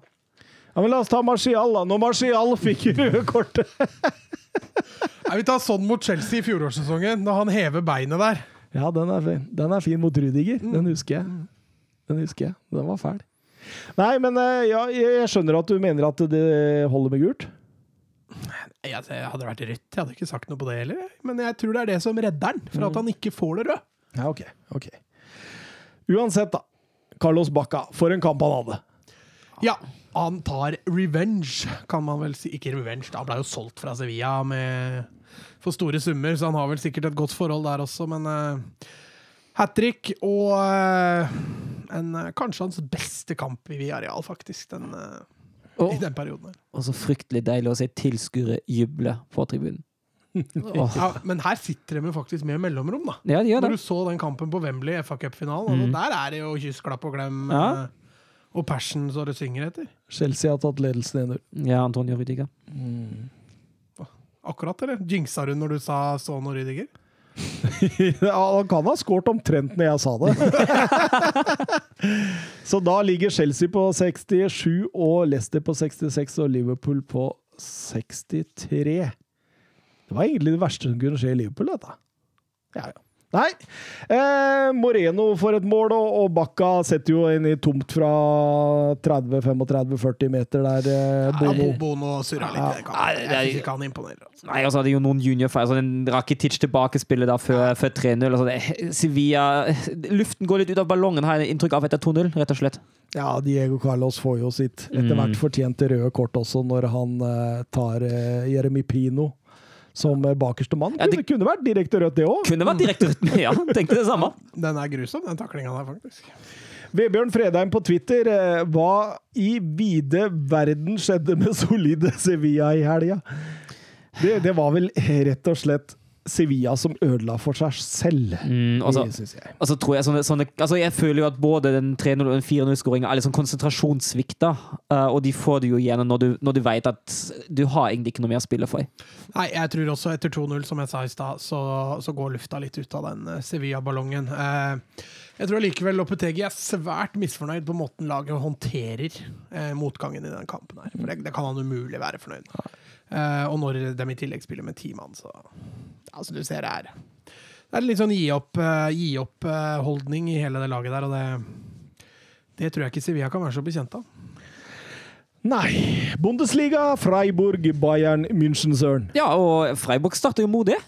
Ja, syns det. Jeg syns, eh, syns det var en åpen og morsom kamp. Jeg manglet helt de, det manglet liksom de virkelig store målsjanser, men spillet mellom boksene syns jeg var ganske gøy. For da bølget det litt. Ja, absolutt. For det, det var ikke så voldsomt mange sjanser å spille Sjanser å, å, å regne her, men, men samtidig så er det det er jo en intensitet der som jeg syns Og jeg syns jo Christian Streich og den jobben han gjør med Freiberg, er helt Ja. strålende. Han klar, altså, det er ikke ofte du ser det laget bli rundspilt. Nei, jeg er helt enig. Eh, altså, virket litt som, som Bayern var litt sånn Greit, vi er litt ferdige, vi òg. Fair enough, men uh, Men de jobba for Lewandowski der. ja, de gjør det hele Det ser de jo. Bortsett fra Leroy Sané. hele, hele laget jobber for at Lewandowski skal få den, uh, den rekorden der. Uh, men det tar lang tid før de får en målsjanse, som du sier. Ja, det er vel Lewandowski som får den sjøl der. Svakt å ikke treffe målet til 19 minutter, men så får han jo et straffespark da som er ja, Jeg syns den er soft. Ja, Altså, akkurat som dommeren hadde lyst til at Lewandowski skulle få den rekorden òg. Mm, jeg er helt enig, jeg syns den er billig. Müller der som blir tatt ned av eh, Hva er han het? Købel eller Købel eller Kubel eller Kubla. Kubla. Ja, Jeg var ikke så langt unna.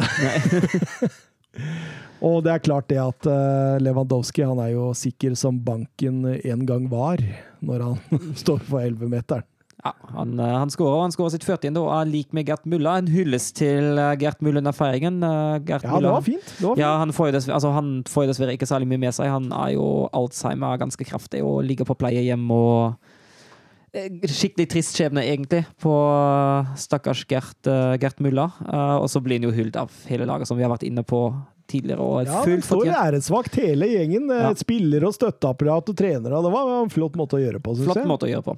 Og kan jo få til at han tar den rekorden. Nå har jo eh, tidligere Bayern-spiller Didi Hamann, eh, blant annet altså i eh, Liverpool, eh, han, eh, han sa jo nå, etter at Lewandowski skåra 40, at Lewandowski bør stå over neste kamp for å være lik med Mulla og hedre Mulla på den måten. Hvem- hvem sa det? Eh, Didi. Didi Nice! Da, da har du ikke forstått Nei, begrepet sport. Du har ikke det. Du har ikke det. Og kona til Gert Mulla gikk jo også ut og sa at eh, Gert Mulla hadde unnet Lewandowski å ta den rekorden hvis han fortsatt hadde vært Han har gjort det på 28 mål, Det er helt vanvittig! Det, det, det er så sinnssykt. Det. Han, har, han var jo skada lenge. 28, mål, 28 kamper, 40 mål. Det, det, det. Men, men eh, da, da, da gikk vel Så ut som eh, Bayern München gikk i en slags gledesrus, for det tok ikke lang tid før Freiburg Nei, og da, da er det kona di òg, altså dødball. Eh, og Sule henger ikke med. Og Sule henger egentlig ikke med hele kampen, for det Freiburg skaper, skaper de via sin venstre side og mot eh, Niklas Sule, så det har Streich analysert kjempegodt. At da har Bayern problemer med Sule på høyre bekk. Absolutt. Har vi galt hatt hele året? Jo, det er akkurat det. Ikke rare analysen Streich behøver å gjøre der. Nei. Jeg tror, tror Bayern München trenger noen eh, forsterkninger bak. Ja, det tror jeg, og i hvert fall på høyrebekk. Og gjerne også noen midtstoppere. Eh, Leroy Sané gjør 1-2 tidlig i annen omgang, og da, da syns jeg Bayern München er på sitt beste når de kommer ut fra annenomgangen der. De kjører på, men, eh, men eh, nok en gang eh, dette er Christian Streich og, og Freiburg. Altså, de, de jobber seg inn i matchen og blir bare bedre og bedre. og Helt fortjent når de setter 2-2. Ja, det syns jeg absolutt. Eh, nydelig, nydelig overgang der, og igjen via Freiburg sin venstre side. Uh, Gunther, lagkaptein, som eh, står fram og skårer. Deilig satt fart på der. Ja. Slår 1-2 på midtbanen og fosser ned der. Og han, han han Bonusar, han gir opp Ja, returløpet. Altså, vi snakker jo, snakker ikke 10 meter fra mål, da. vi snakker 30 meter fra mål, så gir han opp! Ja, Savai også sånn fantastisk kjøp. Og, eh, men Lewandowski han burde jo tatt den. Åh, Tenker du dobbeltsjansen her, eller? åh, altså, Flek, altså, Flekken er jo strålende, skal han ha, men den andre trenger bare å touche inn over streken, og så spiller han til nesten tilbake til Flekken. Og du så han flira sjøl òg, Lewandowski. Ja. vet du, sånn. Nei, det, var, det var vel eh, Jeg tror det var Linhardt, eller var det Flekken sjøl, som gikk ut før kampen og sa ja, vi unner jo Lewandowski rekorden, men ikke mot oss. Skjer vel mot Augsburg uansett, vel. Ja, jeg tror det. Jeg tror det. Eh, Jørgen Be Ready på Twitter. Hva tror dere om Leva-ryktene til Premier League? Hvor mange mål ville han skåret i f.eks. Chelsea i løpet av en sesong? Nei, jeg tror ikke at Lewandowski havner i Premier League. Jeg tror han blir Bayern. Eh, jeg tror Bayern, eh, Bayern vet veldig veldig godt hvor viktig Lewandowski er, og jeg tror Bayern, Lewandowski vet veldig veldig godt hva han har i Bayern München. Eh, Men samtidig, så, som vi var inne på, Søren, han har runda Bundesliga nå. Ja, han har det. Men eh, han har jo ikke vært den typen som har bytta klubb særlig mye heller. Han har jo vært eh, i Polen, og så har han vært i Dortmund, og så har han vært i Bayern. Og jeg kan ikke se altså, Kanskje mot slutten av karrieren spiller han noen år igjen i Polen, for all del. Men jeg tror, jeg tror egentlig ikke at han går, i, går til Premier League, ikke i den alderen nå. Og jeg tror, jeg tror han stortrives i München. Jeg kan ta feil at han ønsker seg en ny utfordring, men uh, typen Lewandowski slår meg egentlig Vi vil ha mer å tape, rett og slett. Da, og, Ja, jeg tenker det òg. Det kommer, hva han hadde skåret i Premier League altså jeg tror jo vi hadde jo, Du hadde jo det spørsmålet for uh, noen Det uker var et siden. utopisk spørsmål. uh, for noen uker siden om, eh, om, spi, om spisser som eh, har skåra minst 30 mål i en sesong i Premier League, og da hadde han i hvert fall vært, tenker jeg. Tror du det, altså? Ja, jeg tror det. Han, han, har, han har kvalitet. Fle, og flere Men litt an på da, hvis han går til Burnley. Ja, ja. Men altså, vi, vi, si en toppklubb, da. Si Chelsea, eller enda, enda verre Manchester Manchester City, da. Ja, der tror jeg også det fort kan bli 30, pluss hvis pepperuletten ikke dreper den. Eh, men, For spilletypen Lewandowski hadde jo passa i Premier League. Ja. Jeg, men jeg tror også Bayern hadde strukket seg fryktelig langt også for at han uh, Hvis de ikke hadde da sett en mulighet for at ok, da henter vi Haaland. ja Blir ikke billig. Nei, det gjør ikke det, men Jeg samtidig så, så Altså, la oss være ærlige her nå. Den eneste grunnen til at Bayern München ikke blir linka voldsomt mye til Haaland Det blir linka lett, og det, det sier seg selvfølgelig bare så sånn er det. Når eh, storklubben fra det landet han herjer i eh, Ja, men, men det jeg tenker på, det er jo det at eh, det, det, det bør jo være et match made in heaven, og jeg er ganske sikker på at eh, Lewandowski er grunnen til at de ikke eventuelt går for Haaland. Det tror jeg også. Altså, så det er som Kane og Tottenham. Tottenham får ingen, uh, ingen av de spissene som er en liten klasse under Kane, for de sitter seg ikke på benken bak Kane. De må, de må på en måte et hakk lavere, og da på Bayern, på Bayern går flere hakk lavere og henter seg Chopo mot ting. da. Det er jo uh, er noe annet, da, men ja, du, får, du får ikke Haaland som akkurat nå ikke hadde kanskje vunnet en kamp mot Lewandowski. Og, men han setter seg ikke på benken bak Lewandowski heller. Nei, han gjør ikke det. Og Nagelsmann, jeg tenker jo at det er jo en sånn eh, trener som kan gå inn i Bayern München og tenke litt framtid. Mm. Så eh, ja, altså, Ja, det, det er den eneste sjansen i så fall. Det er at hvis de har en avtale med Dortmund og henter Haaland, da kunne det ha skjedd. Ja. Nag- Men Nagelsmann tenker kanskje sånn, men Salih Hamidzic tenker ikke sånn. Åssen er det Amitic tenker? Nei, han tenker jo uh, Leva til han er 45! Ja, tiårskontrakt på ja, nei, det, det gjør Bayern ikke av prinsipp, da. Men uh, det, er litt sånn, altså Jeg tror han ikke er sånn veldig villig til å forandre veldig mye på Jeg veit ikke. Vi får se. Mainz Dortmund Dortmund, altså Du kan si hva du vil om han der skateduden fra Alpene, nå, men nå, nå begynner han faktisk å, å få inn et visst eh, I hvert fall førsteomgangen. Ja, den, er- den er bra. Ja, og de var jo vant jo cup mot eh, Leipzig på torsdag òg, 4-1. Uh, Haaland 2 der òg. Haaland 2, litt flatterende høy seier, i hvert fall, men at de tok den, var helt fortjent. Og så etter å ha lest, Jeg så jo ikke den cupfinalen, så- eller live, da. Og så etter å ha lest Twitter, så tenkte jeg her har jo Haaland skåret et Maradona-mål. For da var nordmenn høyt oppe på den. eh, Ja. Og det var et bra mål, altså, men det tar jo veldig av, da. Nisselue på. Niser på. Mm, nisse. Men Søren, ta oss litt gjennom matchen, da. Ja, nei, som du sier, Dortmund er Hele første omgang er egentlig Dortmund. Uh, det fungerer egentlig bra i alle spillets faser. Uh, særlig imponert over gegenpressing, egentlig. Uh, så snart ballen er, ballen er tapt, vinnes den høyt igjen. Man kommer seg veldig sjelden ut av egen halvdel, får veldig sjelden etablert noe eget spill. Eh, Dortmund angriper veldig tålmodig. eh, veldig mye via kant. Gode vendinger. Eh, Særlig venstre. ja, så selvfølgelig. Det er jo der de Men er ikke det hver gang da, med Ja. Dortmund? Ja, det, jeg tror altså- faktisk jeg har satt opp to høyrebacker jeg, hvis jeg skulle spilt mot Dortmund med et dårligere lag. Men altså, også overlo- altså både Dahoud og Royce overloader jo venstresida. De står jo da med, eh, med fire-fem spillere til tida. Kommer Royce med til EM, eller? Nei, han har nå sagt I dag har han gått ut eh, og sagt at kroppen hans trenger hvile, og at han står over EM. Men eh, så ser Goretzka ut til å bli klar til EM, og det er jo meget positivt for Tyskland. For Royce han har noe i den EM-troppen å gjøre. Ja, I hvert fall i den formen han er nå. Ja. For nå er han helt enorm. Altså. Det der gjennomspillet han har eh, Det blir vel ikke mål, men eh, han drar seg inn der og med ryggen til spilleren fri eh, Monier, vel. Nei, Reina er det vel. Eh, og så Nei, det er klasse, altså. Og Sancho, han virker solid. Ja. Han bør også finne en plass i den EM-troppen. Ja, det, det gjør nok helt sikkert han uh...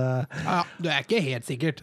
Det er mye plasser på den venstrekanten til England. Altså. Der har du både Rashford og Sterling, som sikkert også vil ha Ja, man kan eh, spille høyre òg, vet du. Sancho har spilt høyre på det engelske landslaget. ja, han kan spille høyre. Han er jo har noen brukbare spillere der òg. Ja da, du har, du har. vi, vi får komme tilbake til det i vår er EM-spesial. Han er jo en av de fire beste kantspillerne de har. Ja, ingen tvil om det. Han er, han er eh, helt enorm. Og jeg syns altså han har så mange kvaliteter som på en måte Altså, når du blender de sammen da, til én, så blir det, det Det blir så utrolig bra. Gutten er 20 år. Han har han har ikke bare sluttproduktet, men han har også det at han kan spille opp andre i gode posisjoner. Han kan, han kan gjøre et, eh, altså et forsvar i etablert. Han kan, han kan gjøre det i ubalanse, bare alene, liksom. Han har et finterepertoar, han har en teknikk, han har en avslutningsferdighet, og han er såpass passe arrogant at han på en måte, Det ser ut som nesten som han leker litt fotball. Litt sånn, altså Jeg sammenligner han ikke med Messi, men litt sånn Messi. At du kan leke fotball iblant. Det er helt herlig å se på. Han eier jo egentlig første omgang. Ja, han gjør det. Og det er jo Dortmunds form begynte jo markant å stige igjen etter at Sancho kom tilbake. Det er jo på ingen måte tilfeldig. Spillet så jo, så jo fem hakk bedre ut etter at Sancho var tilbake. Og det bør bekymre Dortmund før neste sesong, hvis de mister den. Ja, da må de finne en erstatter. Og sånne, sånne kantspillere, de vokser ikke på tre, altså. Wow, Julian Brandt slår gjennom hvert øyeblikk. Eh, ja, Gureiro setter 1-0, Roy setter 2-0, og eh, det er 2-0 til pause. Og, eh, og så blir det en veldig lang pause. Det blir en lang pause. Det blir jo voldsomt til uvær. Så det blir jo 30 minutters pause. blir vel 15 minutter forsinkelse på andre omgang. Jeg tror det var lurt av dommeren å vente ut uværet i garderoben. Og Mainz, som da ikke hadde tapt på ni Bundesliga-kamper, kom jo ganske bra ut. Jeg tenkte jo at eh, her, her blir dere virkelig rævkjørt i deres tiende mulige kamp uten eh, tap, men uh... Ja, han for- han to bytter. Uh, De var nok uh, smarte, de. Og så syns jeg, som du sier, Mainz våkner, og Sali Brozinski på høyresida. Han var veldig, veldig aktiv og skapte en del hodebry for Guerrero. Uh, Slår jo slår en del smarte innlegg. Han slår ikke bare på måfå inn i boksen, men det, det, han ser virkelig bevegelsene spiller, og en del 45 utenfor boksen, så blir avslutningene litt for dårlige. Det er det som hindrer at Mainz uh, gjør det spennende igjen. mm, absolutt. Og et, men etter, etter sånn 15-20 halvspilt omgang, så kommer jo Dortmund tilbake. Det, det så ikke bra ut de første 15-20. Nei, det gjorde ikke det. Det, det så litt Dortmund ut i gode gamle, Ja. egentlig.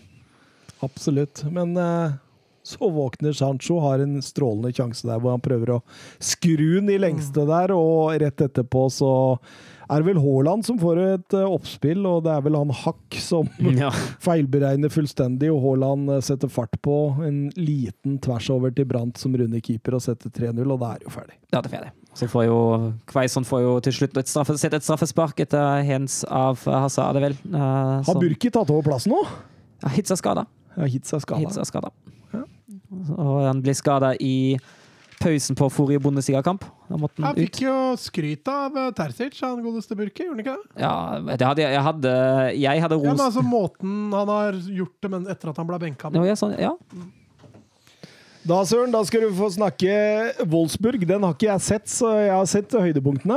ja. Uh, Nei, det var en, eh, det var en morsom fotballkamp, syns jeg. Eh, Wolfsburg starta klart best. Det høye presset som gir Leipzig hodebry. Ser ut som at uh, Nagelsmann eksperimenterer litt, både Heidara og Angelinho på benken. Uh, Henriks litt sånn sentral i banen, uh, som en back. Uh, han prøver litt ting og tang, og det, det går ikke helt bra i første omgang. Philips med en drømmeskåring etter ti minutter. ja, den er fin. Den var- er, den er nydelig. Den, den er herlig. Og så hadde Verchos som setter en i stolpen. Uh, fullt fortjent at Wolfsburg leder uh, på det tidspunktet. Altså, våkne, Leipzig våkner litt etter hvert. Begynner å bli, skape litt farligheter, kommer til noen sjanser, men uh, det er Philip som setter 2-0 rett før pausen, og det- er ikke ufortjent at det er 2-0, altså. Da har de 33 mål i første omgang, og det er bare, bare Bayern München som har flere i første omgang i Bundesliga. Se der, ja. Problemet er at man ikke helt følger opp han noen gang, da. Ja, fordi Glenn Weber han skriver på Twitter til oss her eh, Takk for matchen, Søren. Eh, Dere er best i første, og vi er best i annen. Er det fair å si? Takk for kampen, Glenn. Ja, det er helt riktig. Det er jeg helt enig i. Jeg syns, eh, etter 2-0-målet til Philip kommer det ekstremt lite Wolfsburg. Og Nagelsmann han, han gjør jo endringer. Han bytter jo inn både Heidara og Angelinho for, eh, for Leima og, eh, Henriks. og Henriks, og det var kanskje de to svakeste spillerne på banen i første omgang. Og så flytter han også Forsbekk tilbake i midten og Kloivert lenger opp. Og det gjør seg betalt. Han får med en gang får han bedre betalt sentralt i banen og tar egentlig over spillet deg. Samt at uh, Angelino og Haidara skaper en del hodebry for Wolfsburg-forsvarerne. Kluivert leker med en babu der før. Jeg tror Mbabo ligger fortsatt der. Ja, han, han ligger der fortsatt, ja. Uh, og så får Leipzig et straffespark. Klassisk Otavio også. Det er jo det er spilleren som, eh, som prøvde å kutte av beina til Dabur. Er, er det eh, det nærmeste Wolfsburg kommer uh, Serge Aurier? ja. Helt riktig. Nei, jeg vil si at Otavio er ikke fullt så hodeløs, men altså, er det en spiller som gjør noe dumt? Hvis du hadde spurt meg, eh, spurt meg før kampen hvilken spiller lager et unødvendig straffespark, hadde jeg pekt på Otavio med en gang. Det er framgang for Brooks, da. Ja, faktisk. Han er, han er ikke på den lista lenger. Meg for et år siden, har jeg jeg Brooks. Ja, ja, det var det jeg tenkte. Men Otavio, han, er jo, altså, han er jo egentlig bare backup bak Roussillon, men Roussillon har ikke kommet seg helt etter koronasykdom og skader, så da spiller jo Otavio veldig mye nå. Og da Men merker at han er en backup. Han er en grei backup, men han er ikke helt en venstrebekk som jeg hadde satt på et Champions League-lag. Ja, for nå er det Champions Nå er League. det Champions League. Fordi Leipzig utligner, Sabitzer tar straffen 2-2, og så ser det jo til slutt ser det jo ut i siste, siste kvarteret ser det ut som at begge lag er egentlig sånn fornøyd med det resultatet. For 2-2 betyr at Leipzig sikrer seg andreplassen for sesongen, og Wolfsburg sikrer seg Champions League-spill. Og da er det greit. Det er handshake eh, for peace, det, og begge lag eh, drar nytte av resultatet, Mats. De gjør det. Da er Leipzig, som Søren sier, sikra sølvet, og Wolfsburg og Søren skal sykle. Skal Wolfsburg sykle? Det blir gøy å sykle med Wout Vegårs og gjengen. Ja, det blir gøy. Det er ikke, det er ikke den gjengen. Nei, ok. Det er, eh, Damelaget. det er bedriftslaget. Ja, ok. Det er Volkswagen-crewet. Det de, Det er Gunther og Heinz og eh, også Lasse på 57 år fra Saarbrücken. Og så spiller vi Fia med knuff, eller eh, såkalt Mensch angrende Men- Ja, men- er det Ja, så er det Ja, sehr gut. Hoit- Hoit- Hoitis Mintag, nei. Heute en tak. Ja. Ja. Ja, ja. Og 99 Luftball. Og du kjører etter med noen gode Grolsch. Nei, Ja, det er ja, ja. nederlandsk, Det det. er nederlandsk. Ja. Jeg har fått lånt en sånn gammel Volkswagen Van, skjønner du, av Wolfsburg. Så. det, blir- det er heftig. Det, det er faktisk det Glasen har kommet i da han kom, fra, da han kom som trener til Wolfsburg. Han kjørte med hele trenerteamet sitt med en Volkswagen Van fra Østerrike, fra Salzburg. Nei, Det er akkurat den jeg har fått. fra Linz til Er det noe eh, forandring i Glasner sin eh, status? Han har jo ikke sagt noe offisielt. Eh, Han blitt spurt inn etter kampen, og da vil han ikke svare på det. Han hadde vel en utkjøpsklausul som etter sigende gikk ut nå på søndag. Eintracht Frankfurt har ikke trukket den. Eintracht Frankfurt ser nå ut til å ta Terzic, som jeg er veldig takknemlig for, for det betyr at Glasner ikke havner der, og det betyr at Terzic ikke havner hos oss. Det er helt greit, det. Fordi jeg vil ikke ha Terzic i Wolfsburg. Eh, men jeg tror fortsatt han tar deg, dessverre. Synd, altså, vi, kan jo kritisere ditten og datten, men uh, til syvende og sist står at han har gjort en fantastisk jobb i Wolfsburg i to. Absolutt. Det er helt Og, altså, det er alltid ting man er uenig med, så herregud, det får bare gå. Men uh, jeg er strålende fornøyd med, med Oliver Glasnas innsats de siste to åra.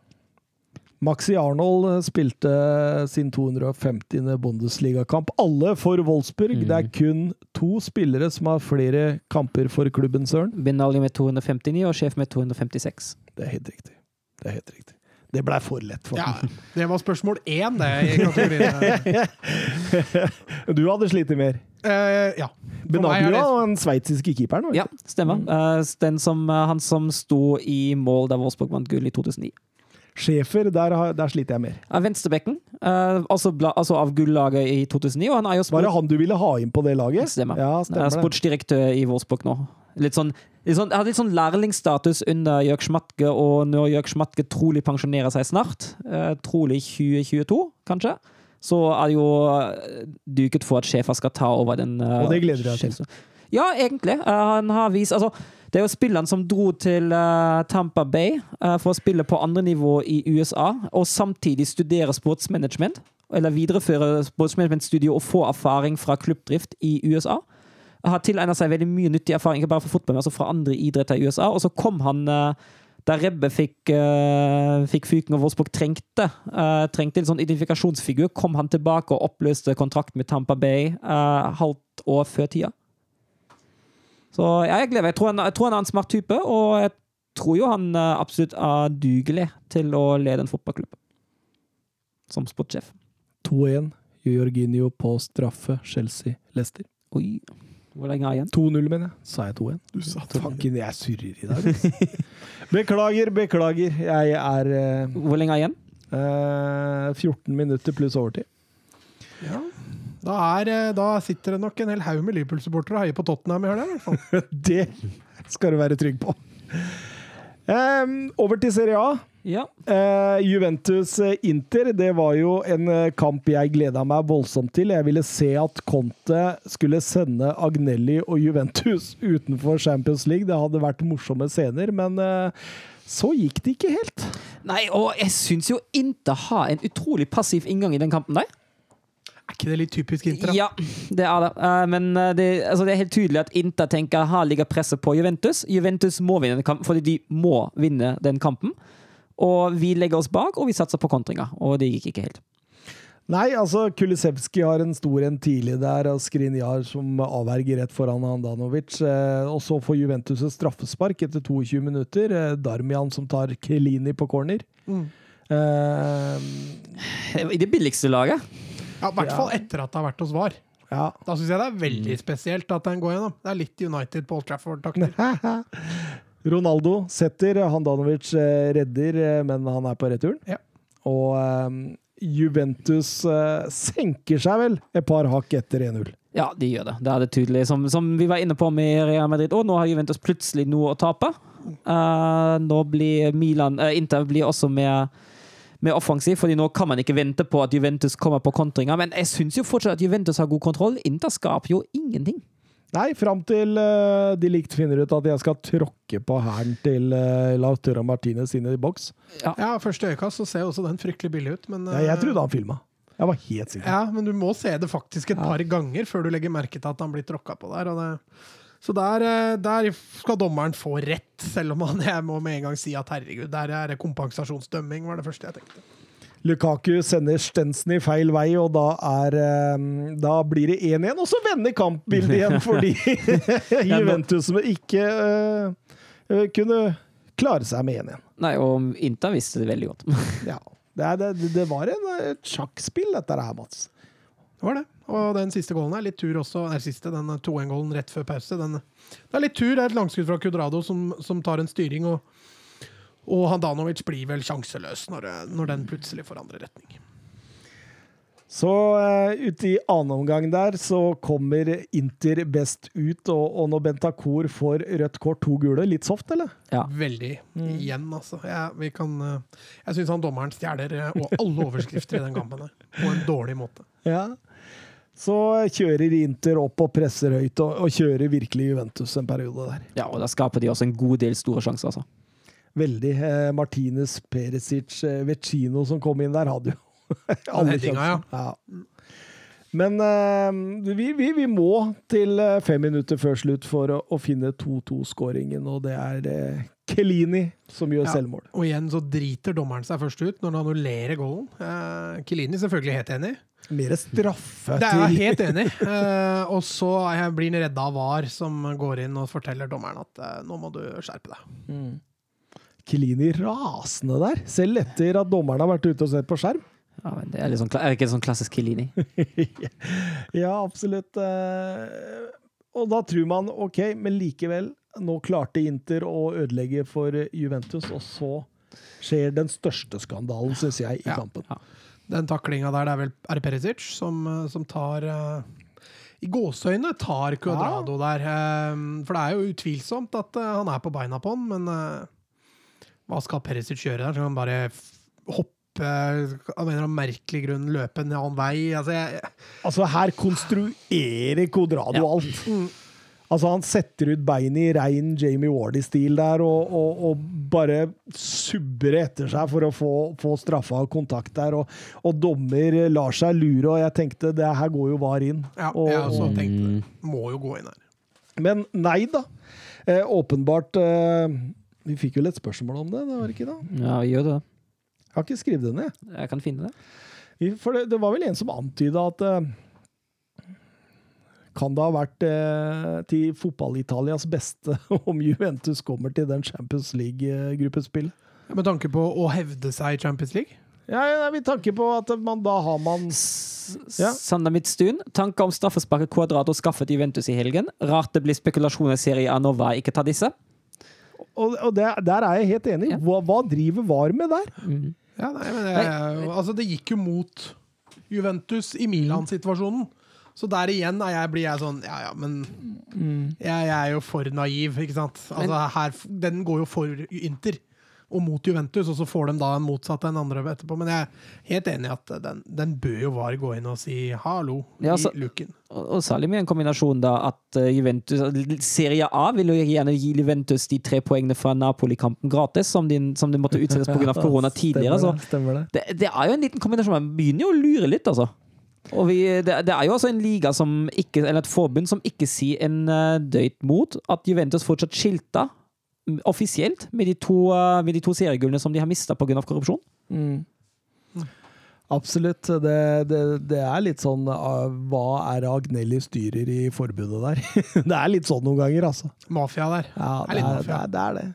Rødt kort til Brosevic, to gule, den var jo helt grei. ja. Det kunne ikke engang dommeren bomme på. nei. Og da vinner Juventus faktisk 3-2. Eh, der fikk du den, Geir Halvor Kleiva. For første gang på en tre-fire kamper igjen, så klarte vi å, å nevne resultatet. Ja, Eh, Sist Juventus-spiller som skåra to mål mot Inter, var Darko Kovacevic i april 2000. Så, ehm, så Codrado kommer godt ut av det. Lukaku er kun fire Interspillere i historien som har klart å skåre 23 pluss to sesonger på rad. Det er Icardi, det er Stefano Nyers, og det er selveste Giuseppe Messa. Og Ronaldos Ronaldo er første Juventus-spiller som når 100 mål i alle turneringer på sine tre første sesonger i Juventus. Ja. Tenk det. Sterkt. Og for Juventus sin del nå, da, eh, før siste serierunde, så har de jo de har, de, de har noen resultater som må gå sin vei her, altså. Ja, vi kan, vi kan jo ta en liten en på slutten, kan vi ikke det? Jo. Vi kan eh, gå gjennom Milan Cagliari. Sånn, nå har vi gjort det. Ja, det var jo ikke så særlig mye med. Altså. Men, men det er artig at Sepp Seplisi har fått så god kontroll på det etter at Di Francesco eh, han, han i, i fjor så ødela han jo Sampdoria, og i år så ødela han jo Cagliari. Og, og de klarer å holde seg pga. Semplicis eh, fantastiske organisering i forsvaret. Han har gjort tre ting. Han har gått inn og organisert Forsvaret. Han har fått skikk på Diego Godin.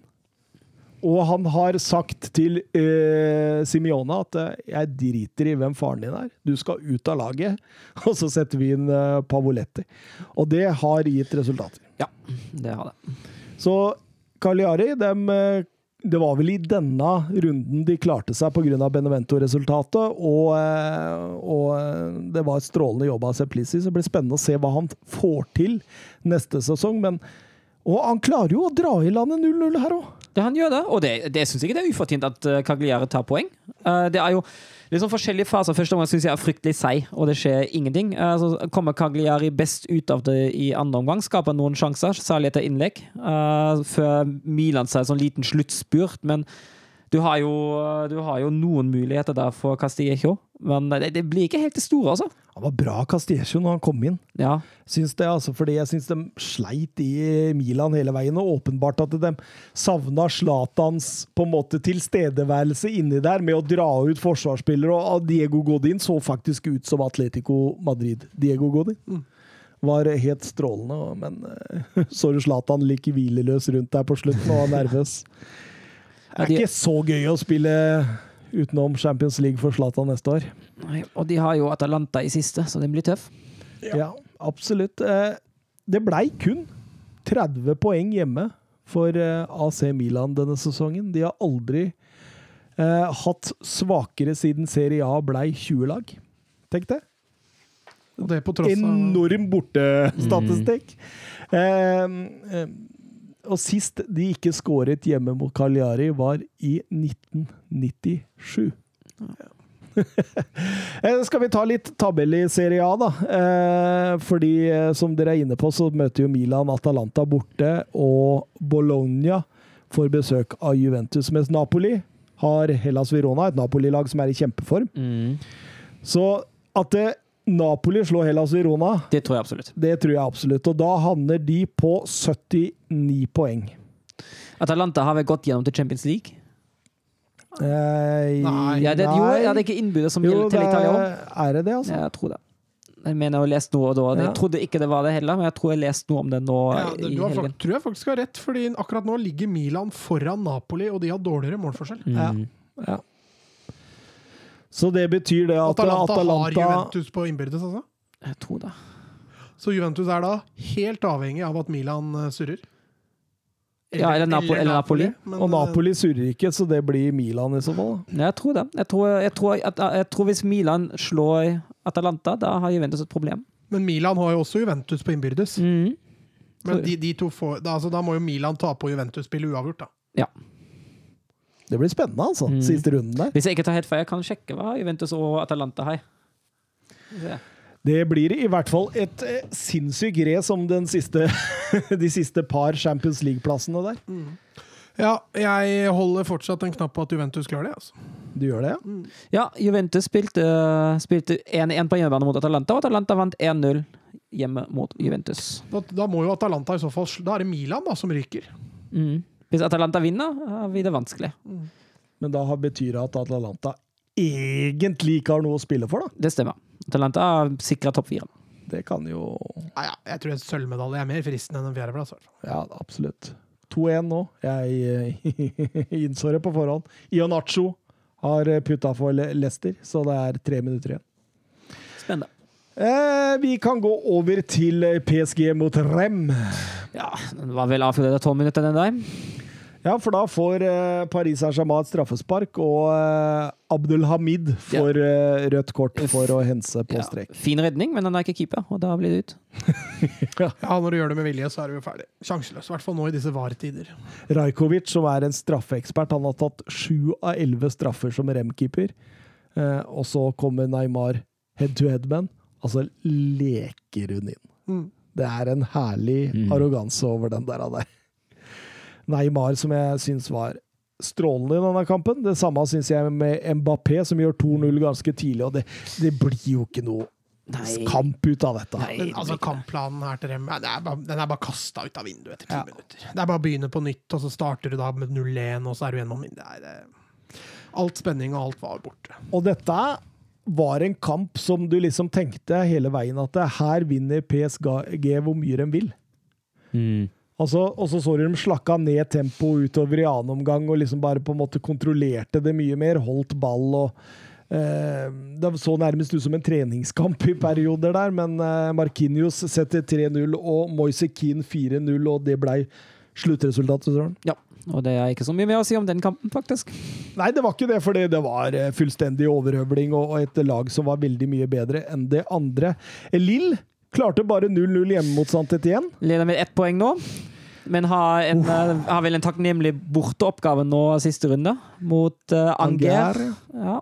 Og har ikke PSG hjemme mot Nei, borte mot Brest, eller noe sånt? Nei. Jo, det stemmer. Stemmer, Brest. ja. Brest. Eh, Så det blir veldig spennende der også. Hvem tar gullet, Mats? Jeg har sagt det hele tida, så jeg. Jeg kan ikke vingle, jeg sier PSG.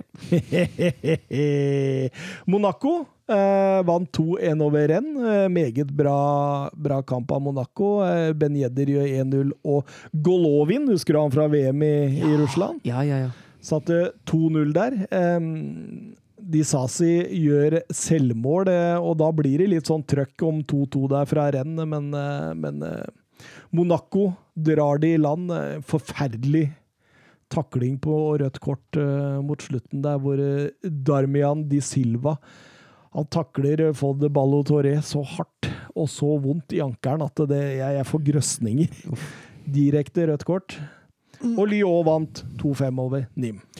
Ja, seieren til Monaco gjør faktisk at de fortsatt har mul teoretiske muligheter på seriegull, altså. Ja, ja, ja. Jeg har sagt Monaco. Du har sagt Monaco hele veien, så det er ikke, det er ikke over ennå. Men Lill må vel tape med et par, og Monaco må vinne med et par, og PSG må i tillegg tape, så det, Den, den blir tøff. det skal litt til. Men eh, Lyon også har faktisk teoretiske muligheter nå da, til å klare direkte Champions League, men eh, det står vel mellom PSG og Lill. Det gjør vel det. Det svaret får vi neste helg. Skal vi over til europahjørnet? Ja. Mm, hvem begynte for sist av dere? Mats Tror sist. jeg har begynt hver gang. jeg. Ja, da blir det Søren, da. Og det er den siste, siste europahjørnet fra meg for sesongen, for Ajax har spilt sin siste kamp. Oi, Er oi, det ikke noen oi. cupfinale? Jo, det kan tenkes. Men siste seriekamp i hvert fall. Uh, har ikke sjekka cupfinalen, det må jeg innrømme. Bare snakk, du, Søren. Skal Og da var Ajax på besøk eh, på, mot, på Vitesse, eh, Sondre Tronstads lag. Sondre Tronstad spilte eh, 90 minutter. De gjorde, fra start spilte også en gamle Wolfsburg-floppen Rich Bazoui. Aldri hørt om. Nei. eh, lovende nederlandsk spiller som floppa fullstendig i Bundesliga. Og ja, nå spiller han i Vitesse. Ok. Eh, og Ajax har full kontroll, eh, leker seg litt ute, på, ute der. eh, Spiller en, eh, spiller en fin fotballkamp. Alea skårer 1-0, Anthony skårer 2-0. eh, så blir det 2-1 rett før pausen med Openda. eh, men det blir egentlig aldri særlig spennende, fordi Ajax har for god kontroll, og et kvarter før slutt setter Martinez eh, setter Martinez 3-1. Ajax vinner den kampen eh, ganske så all right, og avslutter sesongen med 28 seire, 4 uavgjort og bare to tap. 88 poeng og målforskjell på 102 mot 23, som er kruttsterkt. Det er herlig. Jeg tror den cupfinalen var i april. jeg. Ja, det kan tenkes. De vant 2-1 mot uh, Vitesse, Mats. Ja, da er jeg ferdig med europahjørnet for denne sesongen, dessverre. Ja, Mats, er du ferdig, eller? Nei, jeg kommer jo til å sitte med europahjørnet til dere. Det er fortsatt igjen et par kamper i, i den avgjørende sluttspillsfasen i Belgia. Eh, Selv om Klubb Brygge fortsatt har OK kontroll på det seriegullet, så har Genk med Erik, Erik faktisk, Christian Thorstvedt i spissen eh, begynt å nærme seg, selv om Thorstvedt nå spilte en uh, under par i kamp, får man vel si, mot, uh, mot Anderlecht. Uh, men Genk var allikevel det beste laget i den kampen her, og, og Anderlecht Jeg må jo si det at det etablerte angrepet til Anderlecht er det er litt skuffende å se på.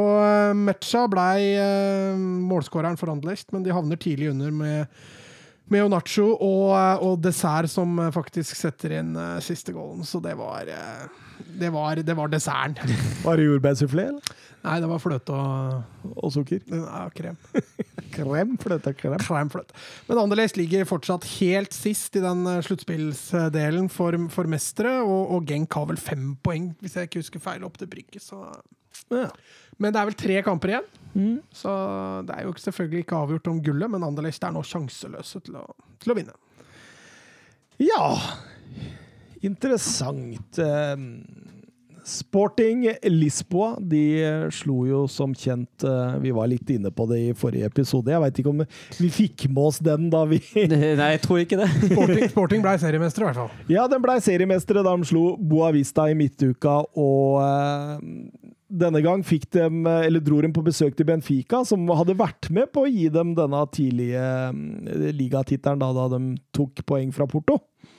Eh, Benfica vant 4-3, og det ble da dermed sesongens første tap for Sporting i nest siste serierunde. Benfica har dermed tatt fire av seks poeng mot både Porto og Sporting i de siste kampene. Eh, var en velfortjent seier til Benfica. Så, eh, de, de gikk til pause med hele 3-0. Eller den så ut som de skulle gå til pause med 3-0, men Pedro Gonsalves reduserte med et nydelig mål. Han setter den i lengste der. Eh, rett før pause der, og du tenker at nå kommer eh, Sporting tilbake. Eh, Hadde eh, initiativet i starten av annen omgang, men så får Benfica straffespark som Haris Seferovic setter til 4-1, og da går lufta litt ut. Nuno Santes eh, reduserer eh, til 4-2 der eh, mot slutten, men det er en fortjent seier til Otamendi, Fertongen, Vigel, Tarapt, Grimaldo og co. Nei, Det høres ikke dumt ut, det der heller. altså. Nei, absolutt ikke, er I altså. hvert fall Grimaldo. Da, da kjenner jeg da, Da, da må, det er noe som vokser hos Mats. ja, det er det. Eh, Nuno Mendes, jeg snakka mye om den, 18-åringen, mm. er sterkt, sterkt linka til Manchester City for tida. Oi, oi, Henter oi. mye unggutter nå, altså. Mm. Så det kan bli veldig, veldig spennende. Vi har et uh, Måtte vi ikke kjøre det Geir Halvor Kleiva-laget mot slutten nå? Jo, vi må det. Men, men først så skal vi ta Jørn Henland sitt. Ja. For han sa ut fra nåværende stall med deres respektive klubber, hvilken posisjon mener dere klubben må forsterke, og med hvilken spiller? Begynn du, Søren. Ja, jeg kan starte. Eh, Jeg mener vi trenger to nye kantspillere. Eh, Det er helt åpenbart. Så mener at en av de kantspillerne vi har nå, den han kan vi uh, gi gratis til hvem enn som vil. Men uh, ja. Uh, vi, Wolfsburg rykter til uh, Madueka. Noni Madueka, en 19 år gammel engelskmann som nå spiller i PSV. Tottenham Akademi. Ja, eh, Spilt 24 kamper, skåra sju mål og hatt seks assist. Og han eh, ser ut til å være egentlig akkurat den spillertypen Wolfsburg trenger. For han, eh, han er driblesterk, han kan skape ting på egen hånd, han har sluttprodukt. Og samtidig skal han være taktisk ganske smart. Uh, og en ganske fleksibel spiller, så det, han vil jeg gjerne ha. Eh, veldig, veldig gjerne. Uh, så er jeg litt usikker på hvem jeg vil ha på den andre kanten. Det hadde vært en drøm å få, få Anthony, som jeg snakket om uh, i forrige episode, på, på Ajax, men det tror jeg blir for dyrt. Jeg tror ikke Wolfsburg tar seg, tar seg råd til det. Så han var eh, verdsatt til 25 mil på Ja, transfer. det er akkurat det. Og de tidene der Wolfsburg bruker 30 millioner pluss pluss på en spiller, Ja. de, er nok, de er nok over, dessverre. Men en spiller altså ikke blir han en sånn spiller som trenger folk som kan skape ubalanse, som er litt sånn kreative fra kantene. Det er litt det som, eh, som Wolfsburg savner litt. Jeg skjønner. Eh, selv om jeg ikke har et godt forslag på en venstrekant akkurat nå. Har du ikke det, altså? Jack Reelish? Ja, men altså, realistisk, da. Du kan ta han Bamba på Lill. Ja, han har jeg tatt med en gang.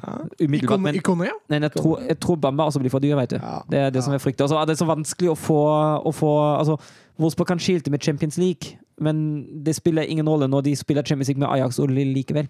Ja, ikke sant. Ikke sant. PSV er litt annerledes, da kan vi få pga. Champions League. Mm. Men Jeg skjønner. eh, skjønner. ja. Det er sånn det som er, som Men har ikke PSV også muligheten til Champions League? Gjennom kvalik? jo, det kan tenkes at de har. Det blir jo nummer to i eh, RS-divisjonen. Ja. Mm. ja, det kan tenkes at de har, faktisk. Ja, for de ligger jo på andre. Ja. Jeg veit ikke om de blir Ja, nummer to, ikke. eller om de det blir. Jeg vet ikke, jeg vet ikke hvordan det er med Champions League-plassene i Eres Division, må jeg innrømme. Men eh, Det er jo ditt hjemland, jo, Søren. Europahjørnet. Madueke tror jeg i hvert fall vi har god mulighet for. Så trenger vi trolig en eh, offensiv, kreativ midtbanespiller. Vi har jo lyst til å beholde Maximilian Philip og beholde den veldig gjerne, uh, men han er ikke helt den kreative typen heller. Uh, trenger egentlig en Mimedi, bare bedre og mindre skada.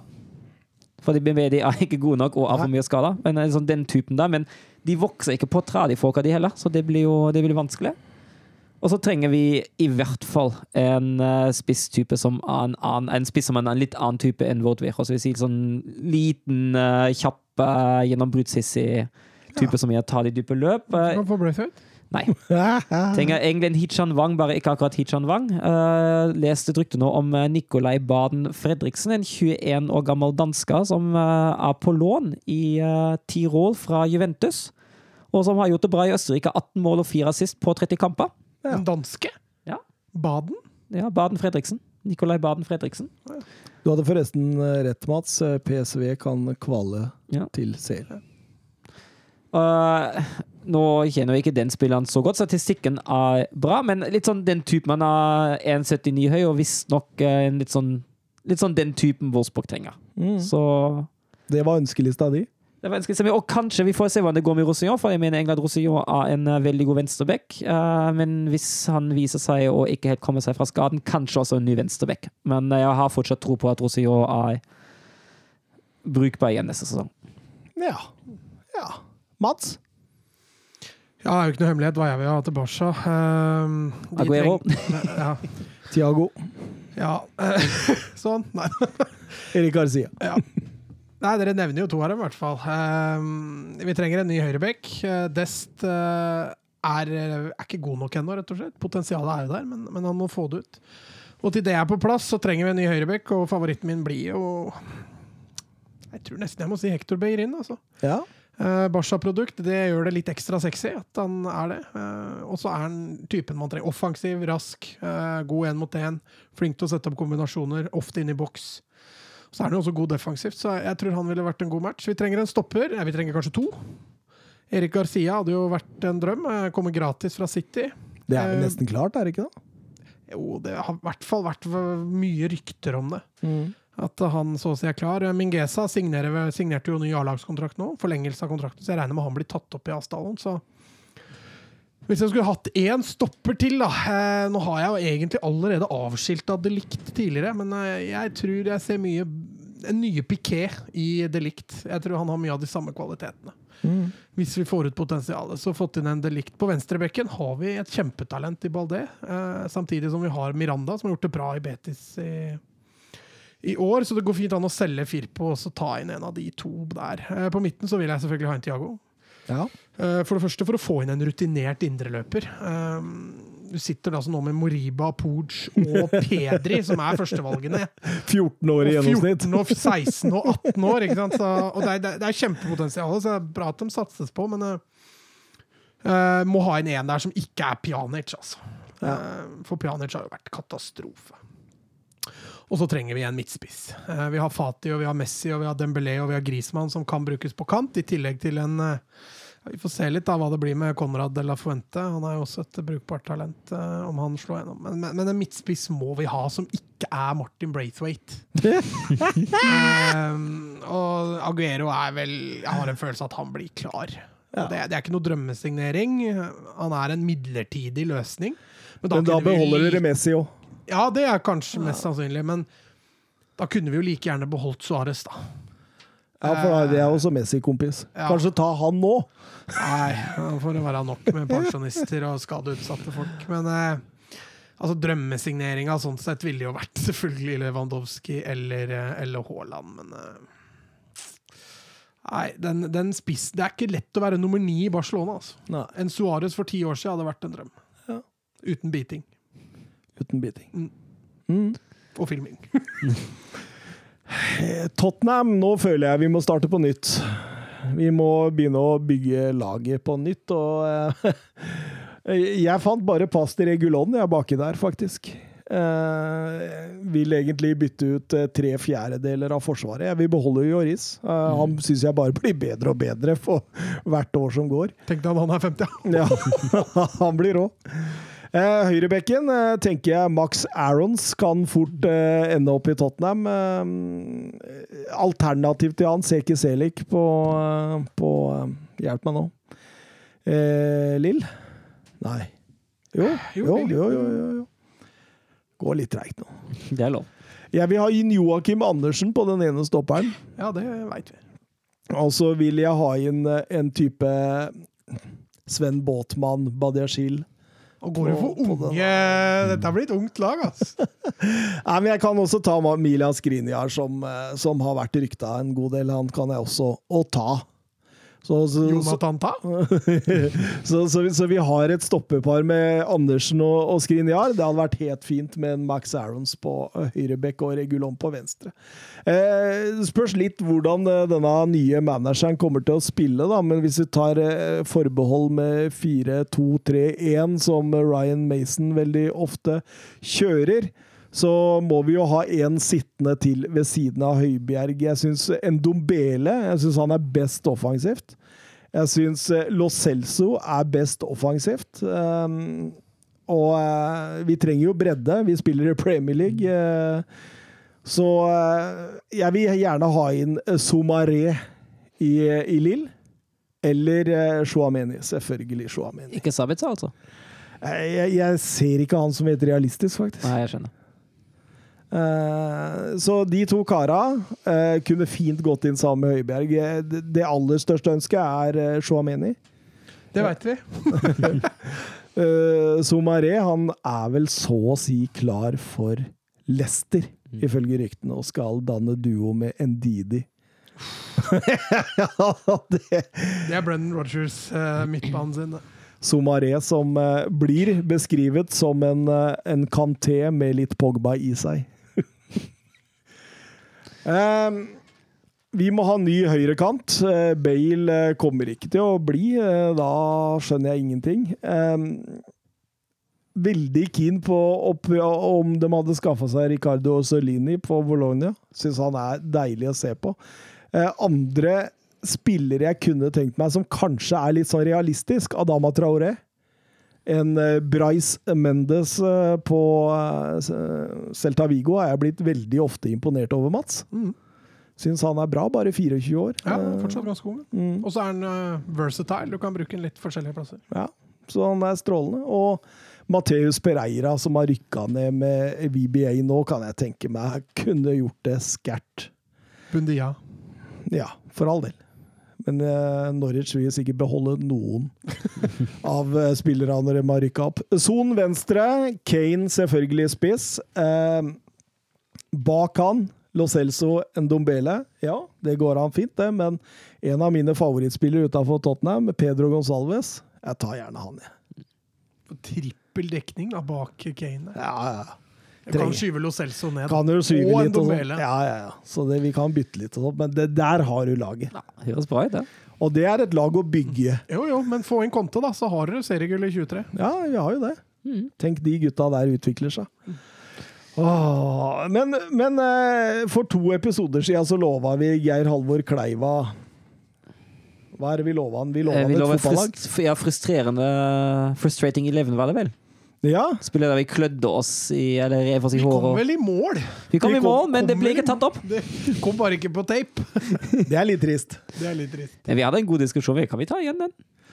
Ja, fordi eh, som keeper så valgte vi Herelio Gomez. Ja, det var jo det beste alternativet. Jeg mener, husker Du fikk ofte vilja di, så det er mye Tottenham-frustrasjon på det Det der. del, det var en del Wolfsburg òg, da. Ja, det stemmer. det stemmer. Det var en del Wolfsburg-alternativer der Oh, òg, men, ikke på keeperplassen, faktisk. Det har ikke vært så mange frustrerende i Wolfsburg. men Herelio Gomez, han, han sa liksom seg sjøl. Ja, jeg er helt enig. Det var jo keeperen. Han eh, kom fra PSV i sin tid. Dro videre til Watford. Litt sånn klovn. Tror jeg snakka om at han skulle bli pastor. Ja, sant det. Fotballagent og pastor. Eh, og det beskriver vel litt Aurelio Gomez som type også. Var jo en eh, eksentrisk eh, keeper. En eh, keeper som ofte kom i litt sånn ja, diskusjoner med med- og motspillere, og kunne gjøre redninger som ikke Ter Stegen og Oblak kan gjøre i dag. Men kunne også gjøre tabber som Du og jeg ikke kunne gjort. ja. Så det, du visste ikke hva du fikk.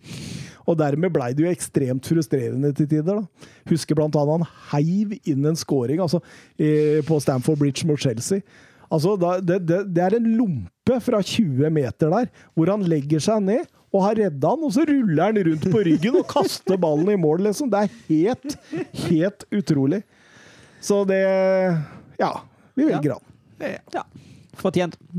Eh, Dere som har litt bedre husk enn meg, eh, høyrebekken, hvem er det vi landa på? Lander der? lander vi ikke på Aurier? Vi hadde vel en diskusjon med, med Van Bissaka. Van Bissaka. Mm. Men Aurier vant det vel ganske trygt. Ja, for Van Bissaka har skjerpa seg litt. Men det gjør jo Aurier i perioder òg, da. Ja, men så, altså, Vi snakka jo om at Van Bissaka var mye feil posisjonering, og sånt, men Aurier det var sånn kløneri til de grader òg. Ja, stemmer, stemmer. Og så var det Alexander Madlung. Madlung, ja, da hadde jeg jo en, eh, en liten historie. at uh, Madlung var jo en del av gullaget i 2009 òg. og så ble han jo Han ble jo sånn, han var jo litt fast inventar. Og andre serierunde i 09-10-sesongen. Uh, bortekamp i Köln. Står 0-0 til pausen. Spiller Madlung, og Madlung var en spiller han uh, Litt som Orje og Gommes òg, svinger noe veldig. På sine beste dager var han helt outstanding, og så hadde han, hadde han en god og fem dårlige og Da kunne altså, feilvendt spiller av 16-meter, så kom han rev ned og lagde straffe, og alt det tullet Da Posisjonering fra en annen verden, og ikke en positiv en. Stemmer. Um, bortekamp i Köln, og jeg satt på en, jeg satt på en bar, ikke en pub, ikke sånn brun pub. Uh, som annen fotballpub, men en bar. Litt sånn finere kaféaktig sted. Uh, er i Wolfsburg, så de viser jo selvfølgelig Wolfsburg-kamp, og hele banen er fullsatt. og det er jo ganske stille der, for det er en sånn finere bar, en sånn lave samtale og hele pakka. Og så spiller vi mot Köln. Jeg sitter ganske langt bak. Så er det en, er en pasning som kommer, som uh, Long egentlig fint skal bryte. Og så bare bekker han unna, og ballen går til spissen, som står bak på blank kasse og scorer. Og jeg blir så sint at jeg er helt bakerst i den baren reiser meg og skriker 'Madlung!'